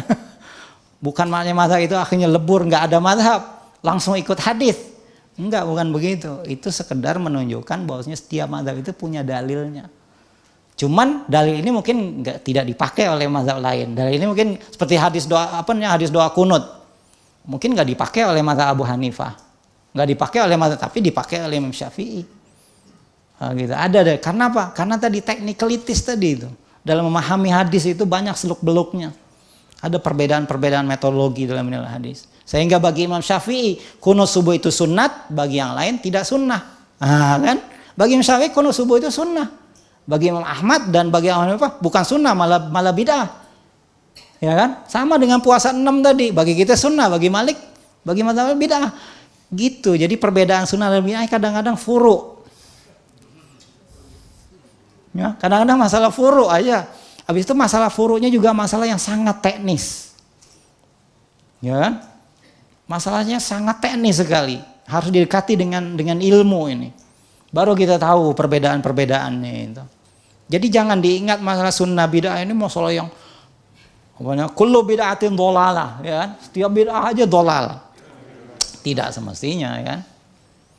Lihat bid'ahnya itu yang bagaimana, apakah bid'ah apakah puasa enam bid'ah masuk neraka kalau kita puasa enam ya? Adakah menurut pandangan Imam Malik kalau kita puasa enam masuk neraka? Enggak kan? Walaupun Imam Malik mengatakan bidah. Tapi bagi Imam Malik nggak sampai masuk neraka. Wah itu bidah yang masuk neraka itu bidah yang keterlaluan, ya bidah yang memang betul-betul bukan bidah yang khilafiyah. Sebab perkataan kullu itu dalam bahasa Arab tidak semestinya each and every. Nah ini balagoh nih. Ya, ini balagoh. Makanya jangan diartikan secara letterlock. Kullu itu semua, pokoknya beda, pokoknya beda aja udah dolalah. Tidak. Karena perkataan kulu dalam bahasa Arab itu balago, ada sastranya. Itu sekedar sekedar apa? Kata para ulama, amun maksus. Umum tapi maksudnya khusus. Nah, orang Arab itu biasa ngomongin am yurodo bihi khos, khos yurodo bihi am. Umum tapi maksudnya khusus. Khusus tapi maksudnya umum. Nah, kalau kita nggak kenal orang Arab, nggak nggak tahu gitu ya kan. Itu harus tahu betul-betul sastranya. Tahu betul-betul bahasa, rasa bahasanya itu harus tahu. Baru kita bisa menilai ini umum atau khusus. Khusus atau umum ya kan. Nah para ulama sudah menyimpulkan pertan kulu di situ artinya amun maksus. Dia umum memang kulu itu kan tiap-tiap tetapi maksudnya khusus. Hanya kepada bid'ah yang betul-betul bertentangan dengan yang tidak ada dalilnya sama sekali pergi haji ke Bangladesh nah, itu bid'ah lah ya kan terus pakat dia bid'ah ya kan? nggak mau ke Mekah misalnya ke Bangladesh nah itu jelas bid'ah tapi kalau masalah kunut subuh masalah angkat tangan nggak angkat tangan ya itu usoli tidak usoli itu bukan ya bukan bid'ah yang itu khilafiyah cuman para ulama dulu ada yang menggunakan istilah begitu tapi hakikatnya itu adalah khilafiyah perbedaan furu Ya, itu perbedaan furu. Oke, jadi seperti itu, ya. Contohnya dalam sunnah Abu Daud misalnya mencakup hadis-hadis yang diamalkan oleh madhab yang empat walaupun doif tetapi tidak keterlaluan. Ada hadis doif ya kan dalam sunnah Abu Daud. Baik. Oke, masih kelanjutan. Jadi ilmu hadis ini terbagi kepada uh, oke ada 30 menit lagi ya. Hadis terbagi kepada Dua tadi ada ilmu riwayat, ada ilmu diroya. Ilmu hadis riwayat adalah yang membicarakan hadis dari segi jalan periwayatannya tadi itu, ya. Penekannya pada periwayatan. Ilmu hadis diroya adalah yang membicarakan prinsip-prinsip nilai penerimaan dan penolakan sebuah hadis. Nah, ini teorinya. Teori di sebalik periwayatannya ini namanya diroya. Ya, namanya ilmu diroya. Jadi ada ilmu riwayat wa ilmu diroya. Ya. Imam Abu Hanifah dan Imam Syafi'i misalkan punya wewenang, punya otoritas dalam ilmu diroyah. Walaupun kurang dari segi periwayatan. Imam Abu Hanifah misalkan. Gak ada diriwayatnya dalam dalam kitab-kitab hadis. Gak ada riwayat Imam Abu Hanifah sama sekali. Bisa dikatakan dalam Sahih Bukhari, dalam Sahih Muslim, Abu Daud nggak ada nama Imam Abu Hanifah tuh dalam periwayatan. Maknanya Imam Abu Hanifah tidak begitu menekankan periwayat, tidak tidak apa namanya bukan ilmu hadis riwayat yang dikembangkan oleh tapi Imam Abu Hanifah dia memiliki otoritas di dalam ilmu diroya itu dipakai pendapat Imam Ahmad dalam ilmu diroya begitu juga Imam Syafi'i Imam Syafi'i nggak ada riwayat kalaupun ada sangat sedikit mungkin dalam Bukhari dan Muslim bisa dikatakan tidak ada tapi bisa dicek ya nggak ada nama Imam Syafi'i karena tapi Imam Syafi'i dari segi ilmu diroyahnya sangat tinggi dan beliau adalah seorang otoritas dalam ilmu dirayah hadis. Ya, jadi Imam Abu Hanifah Imam Syafi'i punya wewenang, punya otoritas. Ya. Dalam ilmu dirayah walaupun kurang dari segi periwayatan dibandingkan dengan Imam Malik dan Imam Ahmad. Nah, Imam Malik ada kitab muwatta'nya. Dan Imam Malik pun dia pun perawi hadis juga. Ya, dalam Imam Bukhari ada nama Imam Malik tuh. Ya, Imam Ahmad pun perawi hadis juga ada Musnad Imam Ahmad. Oke, okay? nah di sini. Jadi ada ilmu diroya, ada ilmu riwayat. Dan fukoha ini bisa dikatakan semuanya menguasai ilmu diroya. Nah, fukoha. Tapi tidak semuanya riwayat. Nah, muhadithun banyak me, apa ya, me, mewariskan ilmu riwayat. Jadi ilmu diroyahnya udah dipegang oleh fukoha, tapi ilmu riwayahnya dikembangkan nanti oleh muhadithun. Nah, ini juga perbedaan di antara fukoha dengan muhadithun. Jadi muhadithun ini banyak kepada riwayah. Ya, walaupun secara diroyahnya uh, fukoha ini sudah menguasai. Nah, Perbedaan diroyah dapat membawa kepada perbedaan riwayat. Nah ini yang saya ingin. Apabila diroyahnya berbeda, riwayatnya bisa berbeda. Diroyahnya begini ya kan, riwayatnya begini. Akhirnya riwayat ini diterima, riwayat itu tidak diterima karena diroyahnya berbeda. Karena teori penerimaannya berbeda. Ya, berbeda diroyah, berbeda juga nanti konsep sunnahnya. Jadi apabila diroyahnya berbeda, riwayatnya berbeda, maka riwayat ini bisa diterima, riwayat ini bisa. Akhirnya ini menjadikan sunnah, yang ini tidak menjadikan sunnah. Itu gara-gara perbedaan riwayat, akhirnya bisa menimbulkan implikasi perbedaan riwayat. Oke, contoh. Bagaimana ilmu diroyah mempengaruhi riwayat? Ya. Contoh diraya diroyah hadis mursal. Oke, saya ingin bagi contoh diroyah hadis mursal.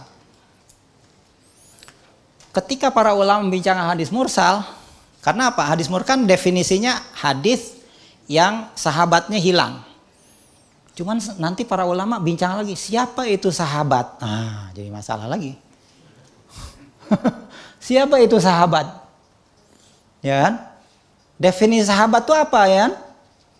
Of course kita kenal lah sahabat seperti Sayyidina Umar, Sayyidina Utsman itu sahabat-sahabat yang kita paling paling nggak sampai 100 ya kan kalau yang terkenal tapi Sahabat yang mereka hadis ini banyak, ratusan. Bagaimana memastikan dia itu sahabat? Nah ini jadi masalah lagi.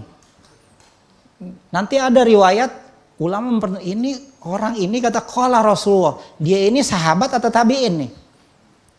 Kalau dia ini sahabat tidak mursal hadisnya. Kalau dia ini tabiin mursal hadisnya, nah, kan?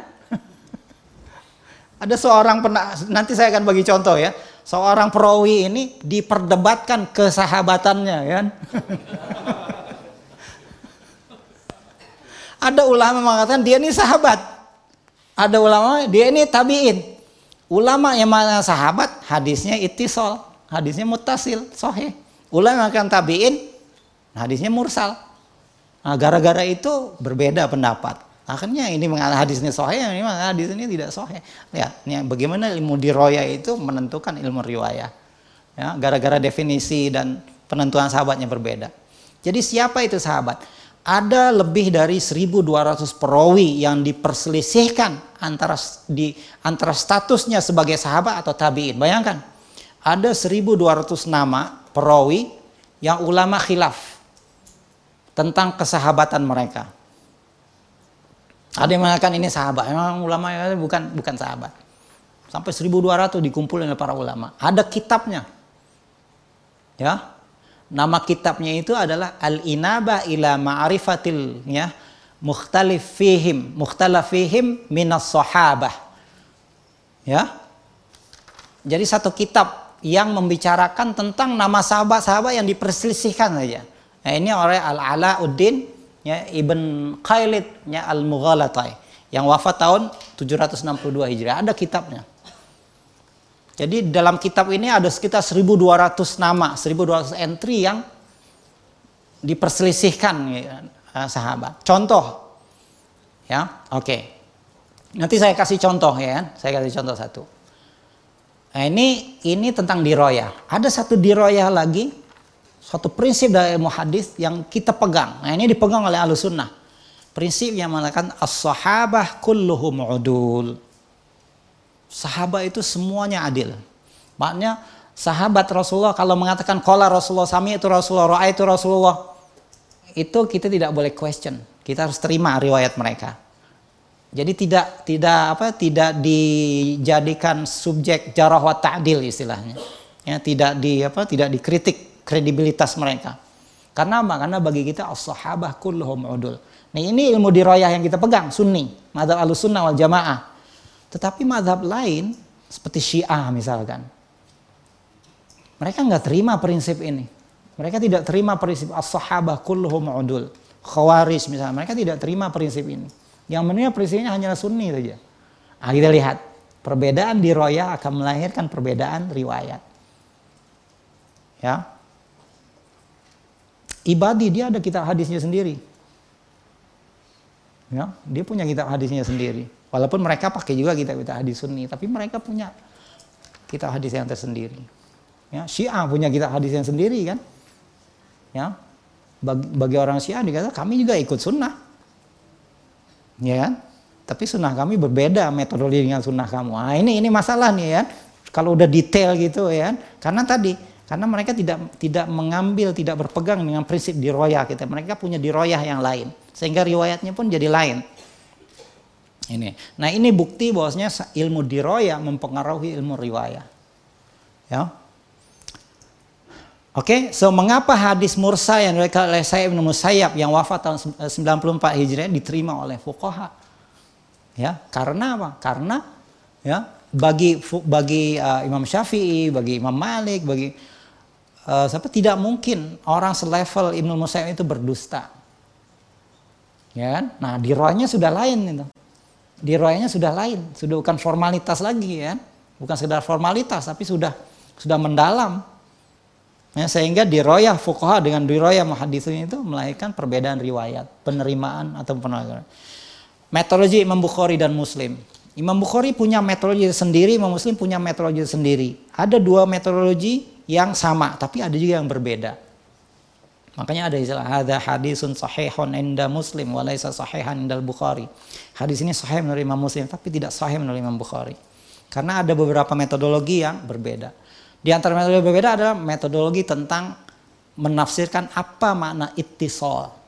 Tadi kan guru dengan murid itu harus ittisal kan? Kalau Imam Bukhari ittisal itu artinya ada berita yang mengesahkan guru dengan murid itu pernah bertemu. Konform. Ya. Namanya isbat. Ya, itu ada tapi kalau Imam Muslim asalkan kedua murid dan guru ini contemporary satu apa satu waktu walaupun tidak ada berita yang mengesahkan mereka pernah bertemu dan dua-duanya sikoh gitu muridnya sikoh gurunya juga sikoh itu sudah cukup bagi Imam Muslim menyatakan di sini di situ ada itisol Imam Bukhari nggak nggak apa tidak menerima uh, kondisi yang seperti itu harus ada berita ah, di sini ada perbedaan dia nah ini namanya perbedaan di royah ya perbedaan syurut Perbedaan bagian dari perbedaan di roh sehingga melahirkan perbedaan riwayat. Sehingga hadis 6 tadi itu, hadis puasa 6 itu hanya diriwayatkan oleh Imam Muslim saja. Imam Bukhari tidak meriwayatkan hadis itu. Ya, mungkin dianggap tidak sahih oleh Imam Bukhari. Ya, ada ada apanya ada uh, kritik-kritik tertentu oleh Imam Bukhari. Ya. Baik. Oke. Saya ingin memberi contoh tentang perawi yang diperselisihkan kesahabatannya ini tadi. Ya, contoh. Ada hadis An Ahmad ibn Hambal. Qala sana Ruh, sana Zakaria bin Ishaq wa Zum'ah ibn Saleh an Isa ibn Yazdad an Abihi. Nah, ini saya saya sengaja saya ambil isnadnya. Hadis ini ada dalam Musnad Imam Ahmad. Ya, hadisnya adalah Musnad Ahmad. An Ahmad bin Hambal hadis ini dalam Musnad. Imam Ahmad terima dari siapa? Dari gurunya Roh namanya. Sana roh, sana ini ke, kependekan dari hadasana. Jadi kadang-kadang muhadis itu dia ingin short karena hadasana hadasana panjang kan, disingkat sana ya kan. Hadasana. Ya. Uh, gitu ya. Sana hadasana maksudnya. Hadasana roh, hadasana Zakaria dari Zakaria. Kemudian dari Zum'ah ibn Saleh ya wa Zum'ah ibn Saleh dari ya dan juga dari Zum'ah ibn Saleh kemudian an Isa ibn Yazdad. Dari Isa bin Yazdad. Kemudian Isa bin Yazdad an Abihi maknanya dari Yazdad. Hadis ini dari jalan Yazdad. An Abihi kan dari ayahnya dari ayahnya Isa namanya Yazdad. Anna Rasulullah sallam qal Rasulullah bersabda idza bala ahadukum falyan falyunthir. Ya falyan ya. ini ada dua bacaan. Fal gimana nih? Fal yunfir zakarahu salasa marrat. Barang siapa yang kencing di antara kamu hendaklah di yunfir ini bisa diartikan di diciprat-cipratkan gitu tiga kali. ya kan? Ada juga yang baca fal fal yantur. Nah, ada dua bacaan fal yunfir dengan fal yantur. Fal yantur ini di, dihabiskan ya, dituntaskan. Ya kan? Nah, ini ada hadisnya dari Imam Ahmad ya kan? Agaknya sunnah nggak kalau kita kencing dicipta-ciptakan tiga kali itu pun agaknya sunnah nggak? Ini ada hadisnya di dalam, kalau nggak salah dalam Bulughul Marum juga ada nih. Ya coba cek. Tapi ini riwayat Imam Ahmad. Tetapi hadis ini diperselisihkan oleh para ulama. Karena apa? Karena ada isu di sini. Isunya adalah siapa Yazdad ini? Yazdad nih. Kan tuh ada hadisnya. An Isa ibn Yazdad. An abihi. Maknanya an Yazdad. Hadis ini dari Yazdad. Yazdad katanya dari Rasulullah. Nah Yazdad ini siapa ya?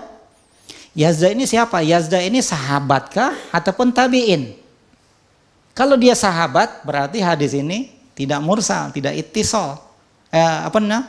Eh, menyambung ya. Tapi kalau Yazda ini tabi'in berarti hadis ini mursal. Nah, Yazda ini diperselisihkan. Bayangkan. Ya. Kata Ibnu Hibban, jadi kan tadi kan setiap nama, setiap perawi itu mesti ada ada komen dari ulama. Ibnu Hibban. Ibnu Hibban ini seorang ulama hadis besar, dia ada kitab sahihnya kan. Sahih Ibnu Hibban kan. Ibnu Hibban ngomong tentang Yazda, dia kata yuqal annalahu suhbah. Kata Ibnu Hibban, yuqal ada yang mengatakan dia ini sahabat. Annalahu suhbah artinya dia ini pernah bersahabat, pernah jadi sahabat. Pernah ada suhbah. Jadi menurut Ibnu Hibban ada riwayat yang mengatakan bahwasanya Yazdan ini sahabat. Kalau dia sahabat berarti hadisnya nyambung ya kan? Bisa jadi sahih ya kan? Nah ini satu riwayat. Tapi kata Imam Bukhari, apa kata Imam Bukhari? Huwa mursalun. Ya, la suhbata lahu. Dia ini mursal, nggak pernah menjadi sahabat. Ah, lihat, kata Imam Bukhari dia ini mursal. Hadis ini mursal dia kata. Dan Yazdan ini tidak pernah jadi sahabat. Berarti dia tabiin, ya, mursal hadisnya. Kemudian Yahya ibn Ma'id, ada seorang ulama hadis juga namanya Yahya ibn Ma'in. Kata Yahya ibn Ma'in, Isa ibn Yazdad yang Yazdad tidak dikenal, majhul. Dua-duanya anak dengan bapaknya juga tidak diketahui katanya. Nggak ada riwayat, nggak apa namanya, susah nyari nyari nyari dia ini siapa ya, blur. Nah jadi perawi ini ada masalah nih. Ada yang mengatakan sahabat, yang mengatakan bukan sahabat, ada yang mengatakan majhul tidak diketahui. Bukhari mengatakan laisa dia kata laisa hadithahu bil qaim hadisnya katanya nggak kuat, nggak bisa dijadikan, nggak bisa ditegakkan hadisnya. Maknanya kalau ada riwayat melalui Isa ibn Yazdad, kalau Imam Bukhari nggak akan pakai. Ya, dia tidak bisa dijadikan hujah. Ya, jadi ada dua bacaan tuh, fal yun, fal, fal, fal yantur dengan fal yunfir. Ya, jadi bisa disimpulkan hadis ini sebenarnya banyak cacatnya. Ya, banyak banyak kritiknya. Sehingga bisa nggak hadis ini dijadikan sunnah? Oh, kalau kencing ciprat-ciprat tiga kali sunnah nggak ya? Nah, nggak bisa gitu jadikan sunnah. Karena hadis ini dipermasalahkan. Gara-gara apa? Gara-gara diroyahnya. Walaupun ada dalam musnah Imam Ahmad. Walaupun mungkin ada dalam bulughul maram. Jadi begitu ya. Nah jadi satu hadis itu harus diproses dulu untuk menjadi sunnah. Ya, nggak bisa nggak bisa langsung dia menjadi sunnah. Baik, C. Yang kita sampai E nih kan, ada dua ini lagi.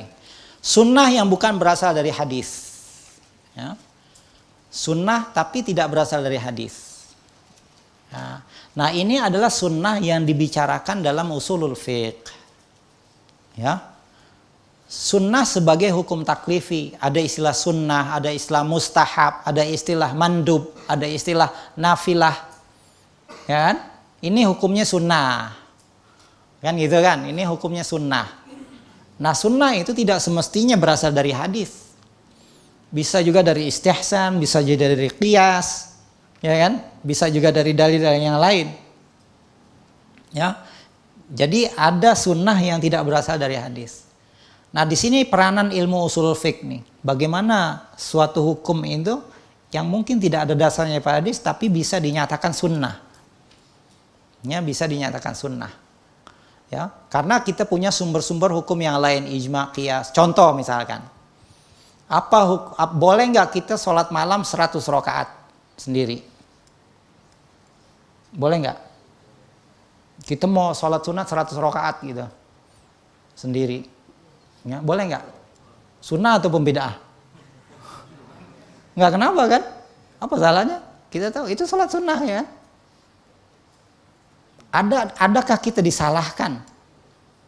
Kalau kita ingin sholat, ingin mendekatkan diri pada Allah Subhanahu di tengah malam, kita sholat sepanjang malam katalah kita. Tidur bentar habis isya baru kita bangun, sholat sunat gitu 100 rakaat. Enggak ada hadisnya. Imam Bukhari ya, sholat sunat. Setiap dia memasukkan hadis, sholat dua rakaat. Mana hadisnya? Mana hadisnya? Ya. Masa kita tanya sama mana hadisnya kamu ya kan? Masa kita tanya sama Imam Bukhari, imam beliau ya. Enggak ada hadisnya. Tapi bagi Imam Bukhari itu sunnah. Ya, itu sunnah. Oke? Okay? Uh, eh, sunnah khulafar rasyidin. Enggak ada hadisnya. Sunnah azan Jumat dua kali. Kan? Mana hadisnya dari Rasulullah? Kita azan Jumat dua kali kan? Itu asalnya dari Sayyidina Utsman. Zaman Rasulullah sholat azan Jumat sekali. Zaman Abu Bakar azan Jumat sekali. Zaman Sayyidina Umar azan Jumat juga sekali ya kan? Zaman Sayyidina Utsman nanti ya kan? Sayyidina Utsman membuat sunnah yang baru. Azan Jumat dua kali. Ya, itu ibadah tuh azan. Pure ibadah ya. Azan itu ibadah mahdoh. Betul-betul ibadah mahdoh. Tapi tidak ada sahabat yang mengingkari hal itu. Di situ ada Ibnu Mas'ud, ada Sayyidina Ali, ya kan? ada sahabat besar masih hidup. Nggak ada yang mengatakan Sayyidina Utsman buat bid'ah. Dan itu masalah ibadah. Ya kan? Maknanya ada sunnah yang tidak berasal dari hadis. Ya kan? Ada sunnah yang tidak berasal dari hadis. Dan itu diterima oleh sahabat.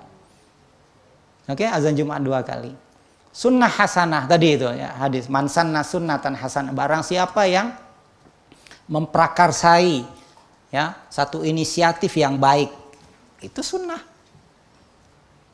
ya itu adalah sebuah sunnah termasuklah dalam hatta dalam masalah ibadah pun kadang-kadang ada yang dibolehkan sami Allahu liman hamidah misalkan sahabat di belakang kan Rabbana walak gimana tuh hamdan tayyiban mubarakan sambil kuat-kuat sahabat mengatakan begitu kan. Sementara Rasulullah sahabat yang lain nggak pernah mengatakan itu. Habis sholat, habis salam Rasulullah tanya, siapa tadi yang ngomong begitu? Sahabat ini mulai-mulai ragu-ragu. Rasulullah tiga kali, saya Rasulullah katanya. Malaikat ini berebut nulis katanya. Apa ini, apa ucapan kamu itu. Maknanya dia buat sendiri, kemudian Rasulullah akui lah, tapi ada takrirnya dari Rasulullah kan. Tapi maknanya ada sesuatu yang yang para sahabat udah timbang gitu menggunakan neraca fikih bisa boleh. Nah, jadi sunnah ini lebih luas. Kemudian sunnah dalam ibadah mutlakoh. Ibadah mutlak. Ibadah mutlak ini artinya kita melakukan satu ibadah yang tidak ada ketentuannya. Contohnya misalkan, oh kita nung, lagi nungguin kawan nih misalkan. Nungguin kawan di, katalah di stasiun ya kan? Kawan ya daripada ini ya udah kita ke musola aja lah. Ya sambil nungguin gitu kita ke musola. Musola? Mau ngapain nih musola? Ya aku sholat sunat aja lah. Itu namanya sholat sunat mutlakoh itu boleh nggak?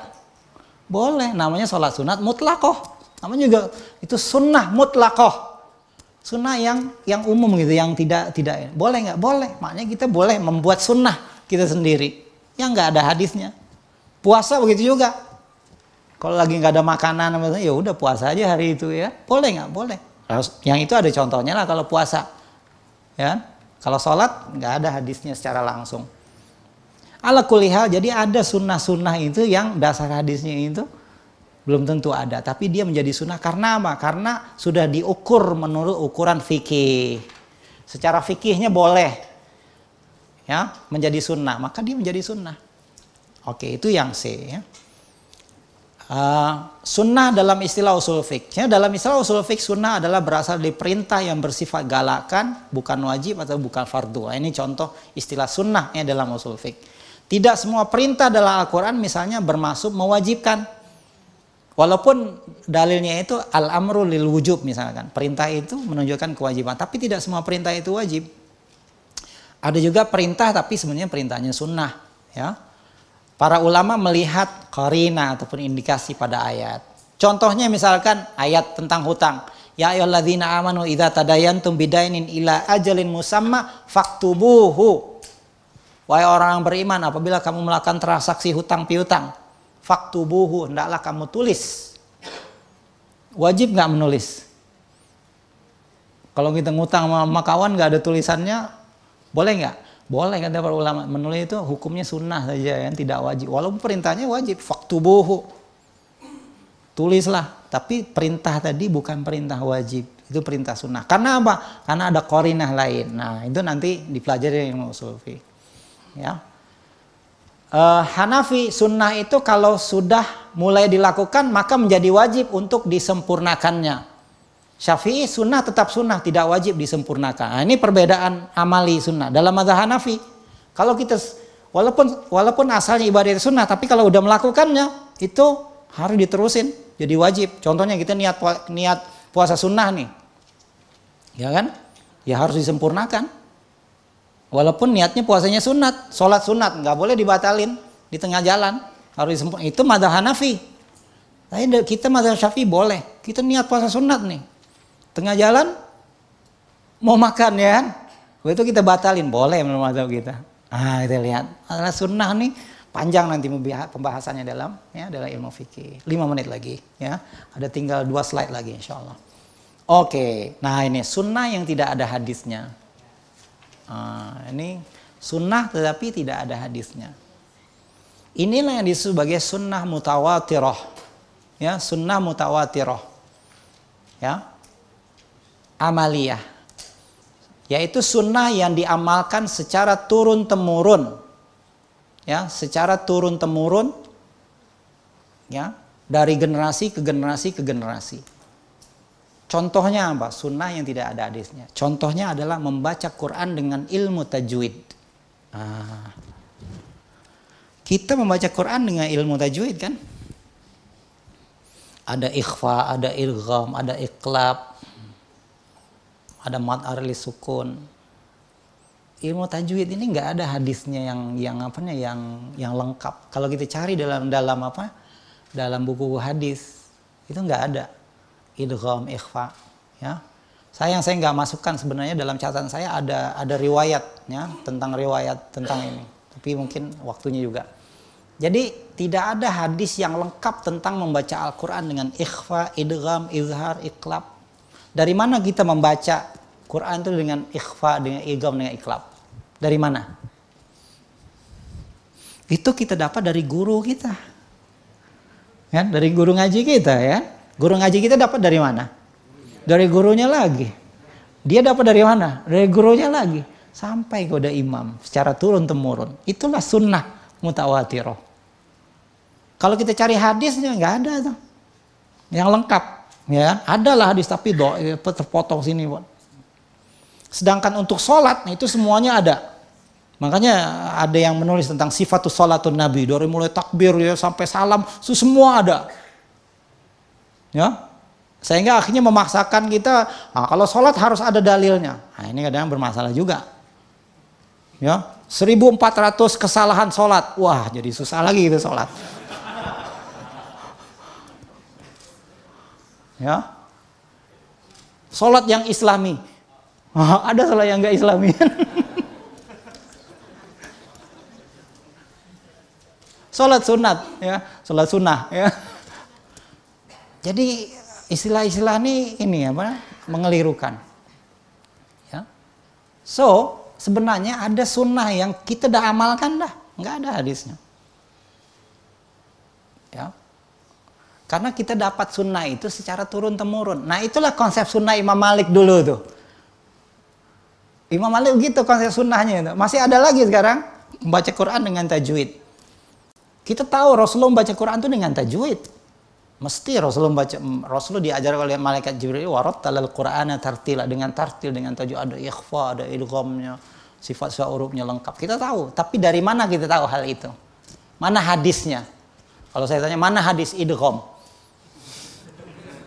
Mana hadis ikhfa? Mana hadis iklab? Mana hadis mat arid li sukun?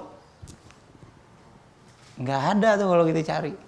Tapi kita harus membaca Quran itu dengan sunnah itu ya. Nah kita dapat dari mana sunnah itu? Kita dapat dari guru kita dari secara mutawatir. Itulah disebutnya sunnah mutawatirah. Ya, Nah, jadi tidak semua sunnah itu ada hadisnya. Bahkan ini penting nih membaca Quran nih ibadah kan. Justru malah hadisnya nggak ada. Ya.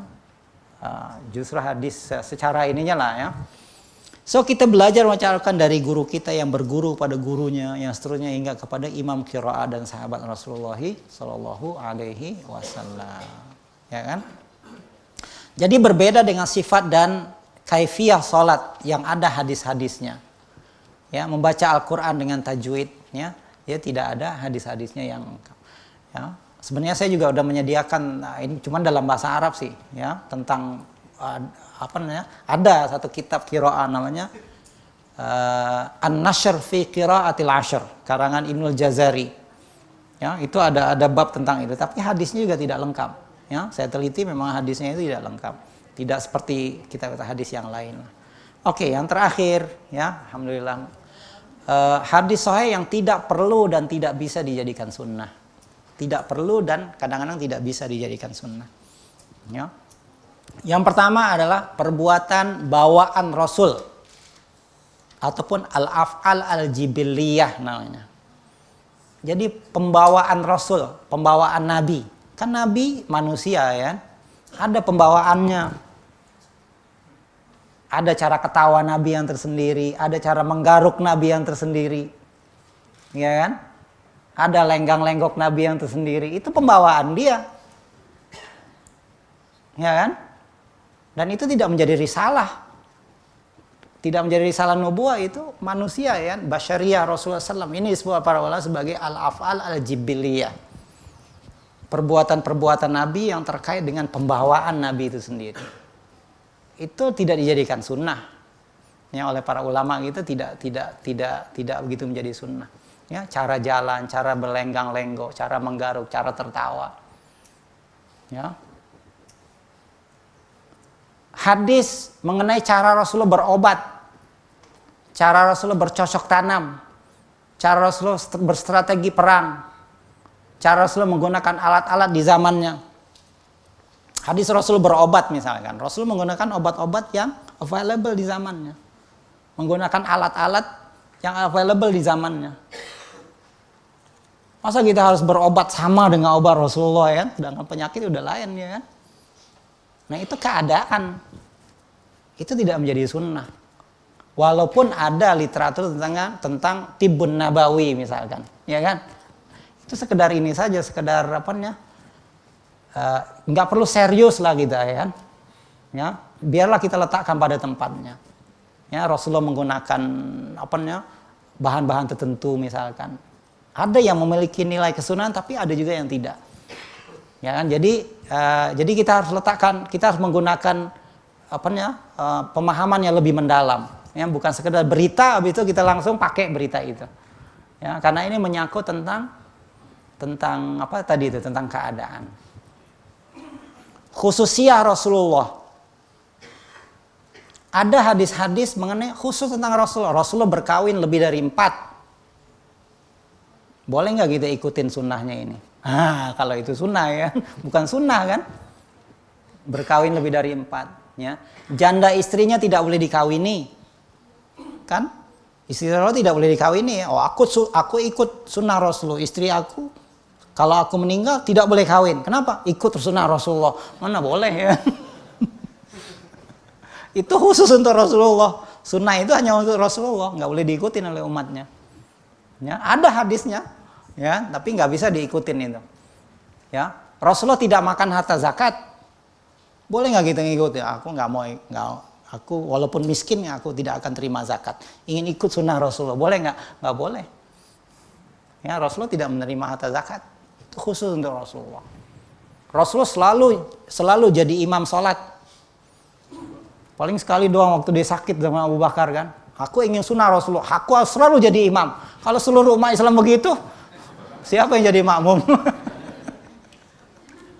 nah ini ini ngaco ikut cara Rasulnya itu ngaco ya kan? Nah, kalau cara mengikuti Rasul begitu terlalu letterlek salah jadinya nggak pakai fikih namanya. Ya. Selalu jadi khotib Jumat dalam sholat Jumat dan sholat Id. Kalau kalau ada sholat Jumat dan sholat Id yang jadi khotib itu selalu Rasulullah.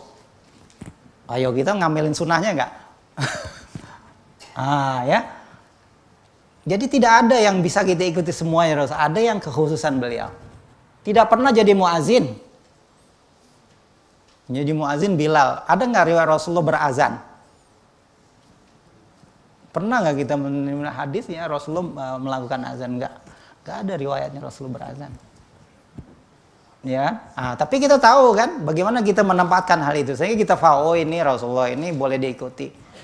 Ya, melakukan puasa wisol, Rasulullah boleh berpuasa terus menerus. Nggak buka-buka ya, kita nggak boleh. Jadi ada yang bersifat khususia dari Rasulullah. Ah, ya ini janggut nih, ini menarik, tapi waktunya mungkin ini kan. Memelihara janggut, apakah ini bawaan Rasulullah ataupun bagian dari risalah yang beliau emban? diskusikan. ini bisa kita diskusikan, ya kan? Kadang kadang berantem kita gara-gara masalah janggut. Ya kan, ini sunnah apa enggak? Kalau enggak ada janggut enggak sunnah, ya kan? Saya ngajar di negeri Arab sudah 11 tahun. Ya. Saya ngelihat hampir semua orang Arab ada ininya. Walaupun student-student saya, murid-murid saya kan, yang tahun satu ya kan, itu semua pada tumbuh. Lihyah namanya. Dalam bahasa Arab itu lihyah. Lihyah ini bukan yang ini. Lihyah ini termasuk jambang. Itu lihyah. Coba kalau kita baca eh, apa nih makna lihyah. Lihyah itu adalah bulu yang tumbuh di pipi dan di dagu. Itu namanya lihyah. Kita nggak punya lihyah. Apalagi orang Jawa. Itu hampir orang Jawa kebanyakan nggak punya lihyah. Orang Cina ya. Orang Sumatera ada ya. Paling tumbuh ini doang Nah kita menerjemahkan liha itu jenggot. Seolah-olahnya ini ya kan, padahal liha ini semuanya. Dan semua orang Arab itu memang punya liha. Itu memang memang genetik mereka lah istilahnya, genetika mereka. Jadi memang akan tumbuh orang Arab itu. Jadi kita jangan maksa-maksain kalau nggak punya jenggot beli minyak misalnya sambil konon-kononnya ingin ikut sunnah ya itu berarti kita nggak paham tentang hadis tentang hadis dan konteksnya itu ya ya ya kalau ada ya alhamdulillah jaga pelihara. Tapi kalau nggak ada udah jangan dipaksain.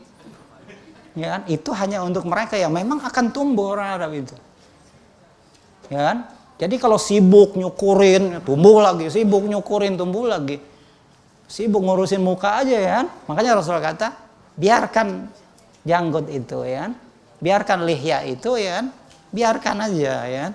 Tapi pendekkan supaya kamu berbeda dengan orang Yahudi. Kan orang Yahudi juga punya lihya juga ya. Cuman supaya lihya kamu berbeda dengan Yahudi, ya kamu pendekkan aja yang ini kumisnya. Itu sekedar sekedar itu saja ya. Nah jadi yang nggak punya lihya nggak perlu berkecil hati ya.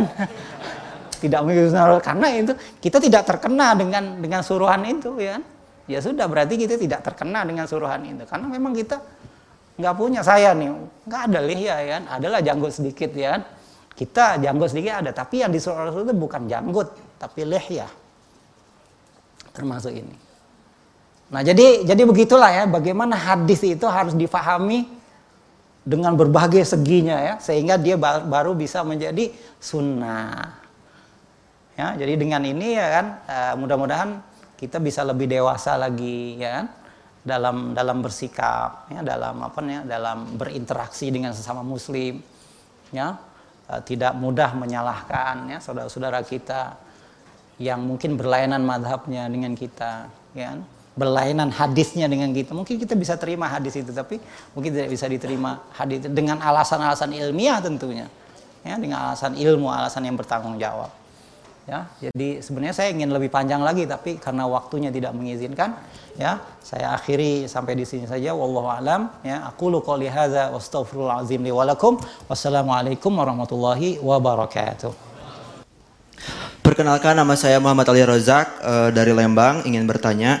Uh, beberapa bulan yang lalu saya mengikuti daurah hadis di Khadimus Sunnah pematerinya Kiai Haji Nanang Maulana Maulana Nanang, uh, beliau ulama yang bersanat uh, kurang lebih 300 ulama hadis, salah satunya ke Imam Bukhari. Nah, dalam uh, materinya tersebut beliau berkata bahwa Imam Bukhari itu mengambil riwayat dari uh, beberapa orang yang memang akidahnya bermasalah seperti misalkan Qadariyah, Jabariyah dan Mu'tazilah. Kemudian di kitab Imam Syafi'i juga Imam Syafi'i mengambil riwayat dari beberapa orang termasuk orang Syiah. Nah, yang ingin saya tanyakan adalah terkait dengan empat formalitas yang tadi disebutkan. Salah satunya adalah perawi yang sikoh. Nah, apa saja syarat untuk mengambil atau ya, yang mengambil riwayat dari seseorang yang memiliki akidah yang bermasalah. Terima kasih. Wassalamualaikum warahmatullahi wabarakatuh. Waalaikumsalam warahmatullahi wabarakatuh. Silakan langsung penanya. Bismillahirrahmanirrahim.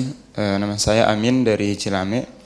Izin bertanya Ustaz, yang pertama mengenai apa perbedaan antara musnad tadi kan kalau Imam Bukhari itu al-jami, kalau Imam Ahmad musnad atau dan dengan sunan-sunan. Jadi isinya tuh apa gitu perbedaannya gitu. Terus yang kedua mungkin tentang penggunaan kata sunnah gitu Ustaz. Karena hari ini kan banyak apa macam-macam gitu ada lowongan kerja sunnah dan yang lainnya gitu. Jadi per, pe- penggunaan kata itu tepatnya itu seperti apa gitu? Apakah boleh dipakai hal-hal seperti itu atau tidak gitu? Baik. Jazakallah khairan.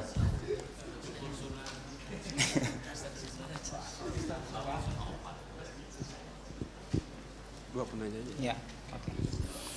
Iya, jadi betul ya di dalam dalam Imam Bukhari dan juga Imam Muslim dan juga imam yang lain ada perawi-perawi yang tidak berakidah dengan akidah Ahlussunnah wal Jamaah. Itu betul. Ada yang berakidah Khawarij, ada yang berakidah Syiah. Ya, itu memang memang betul. Ya, itu juga menunjukkan ya bahwasanya perbedaan kalam itu itu tidak sampai takfir. Ya, itu sekali lagi menunjukkan bahwa perbedaan kalam itu tidak sampai kepada takfir. Sebab kita tidak boleh mengambil mengambil riwayat dari orang kafir. Ya, nggak boleh mengambil dari orang kafir. Tapi ini mereka tidak kafir. Ya. Nah, apakah ini di luar syarat yang empat tidak? Dia mereka masih masuk lagi dalam sikoh. Mereka masih lagi dikatakan apa perawi yang sikoh. Ya, walaupun akidahnya itu ada ada ada bermasalah. Tapi dari segi periwayatan riwayat mereka masih bisa diterima. Oke? Cuman yang mereka yang para ulama kita pertahankan itu mereka ini ahlul bid'ah. Jadi kalau mereka tidak berakidah dengan akidah sama namanya ahlul bid'ah. Mereka ini ahlul bid'ah yang tidak mendakwahkan dan tidak menyebarkan kebid'ahan mereka. Nah, ini diterima. Jadi perawi-perawi yang ahlul bid'ah ini dari khawarij, ya, dari syiah dan sebagainya diterima oleh para ulama kita atas alasan mereka tidak mendakwahkan kebid'ahannya. Walaupun mereka sendiri dianggap sebagai ahlul bid'ah. Ya, dan ini menunjukkan keinsofan para ulama kita. Ya, walaupun berbeda dari segi dari segi akidahnya itu tetap masih masih bisa diambil riwayatnya. Nah, ini ini satu contoh bagaimana insafnya para imam kita.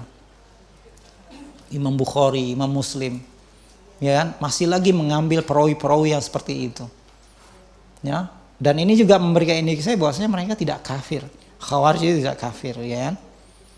Mu'tazilah itu tidak kafir, ya. Tinggal lagi eh, mereka tidak berakidah dengan tidak berkalam, ya.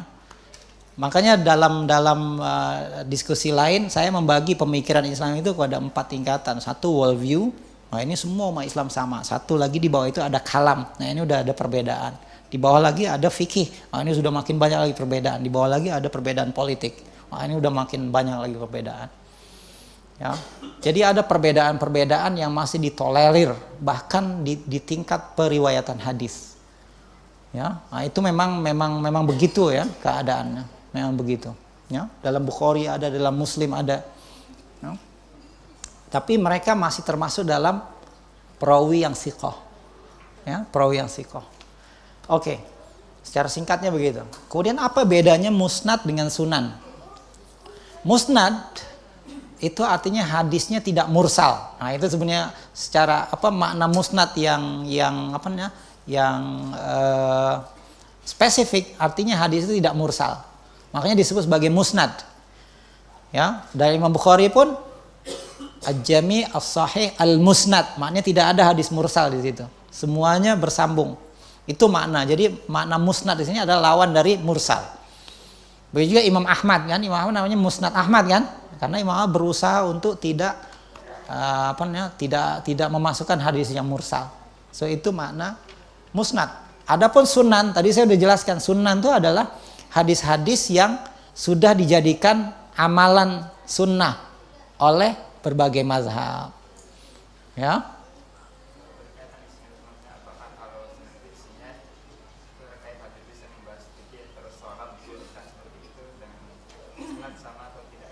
Eh, dalam musnad tujuannya bukan fikih, tapi dalam sunan tujuannya fikih.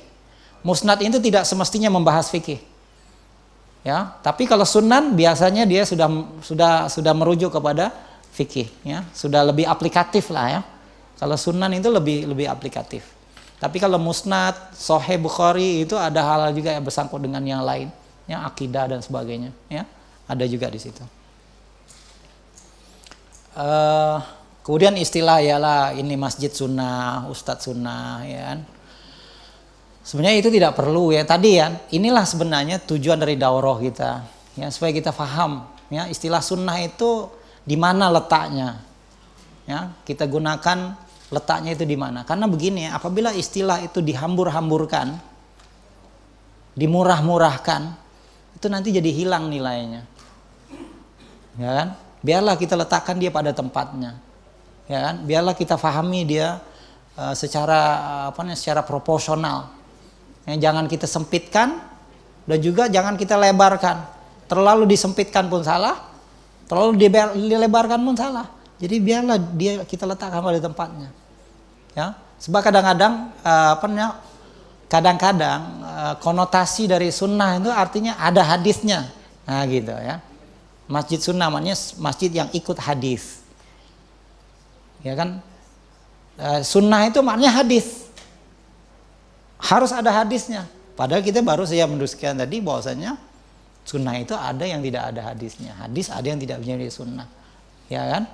Ada persamaan ya ada perbedaan. Jadi menyamakan antara sunnah dengan hadis itu itu hanya sebahagian cerita tentang sunnah dan hadis saja ya kan? Ada lagi cerita-cerita yang lain ya kan? Biarlah cerita yang lain pun diceritakan juga gitu jangan yang itu saja ya kan? Jadi jadi istilahnya gitulah ya kan? Kalau ada lima kategori tadi, soalannya dia hanya mengambil satu kategori saja. Sedangkan lima-limanya itu harus kita ambil semuanya supaya lebih sempurna. Ya kan? Jadi kita yang belajar itu ya sekarang mudah-mudahan kita paham dan kita mengerti sehingga kita tidak terikut-ikut ya berantem dengan sesama umat Islam gara-gara masalah furu tadi kan. Masalah fikih sebenarnya, ya masalah fikih. Jadi itu saja pesan saya ya kan. Marilah kita jaga persaudaraan, persatuan sama umat Islam. Ini jangan mudah kita dipecah belah dengan masalah-masalah yang yang yang furu'iyah lah, yang dibolehkan berbeda. Ada yang tidak dibolehkan berbeda, tapi ada yang dibolehkan berbeda. Kenapa dibolehkan berbeda? Karena ada landasan ilmunya. Ya, perbedaan itu ada ilmunya, ya, jadi boleh. Ya, wallahu alam itu saja yang saya dapat sampaikan. Ya. Sekali lagi yang mudah-mudahan ada manfaatnya. Wallahu alam. Assalamualaikum warahmatullahi wabarakatuh. Waalaikumsalam warahmatullahi wabarakatuh.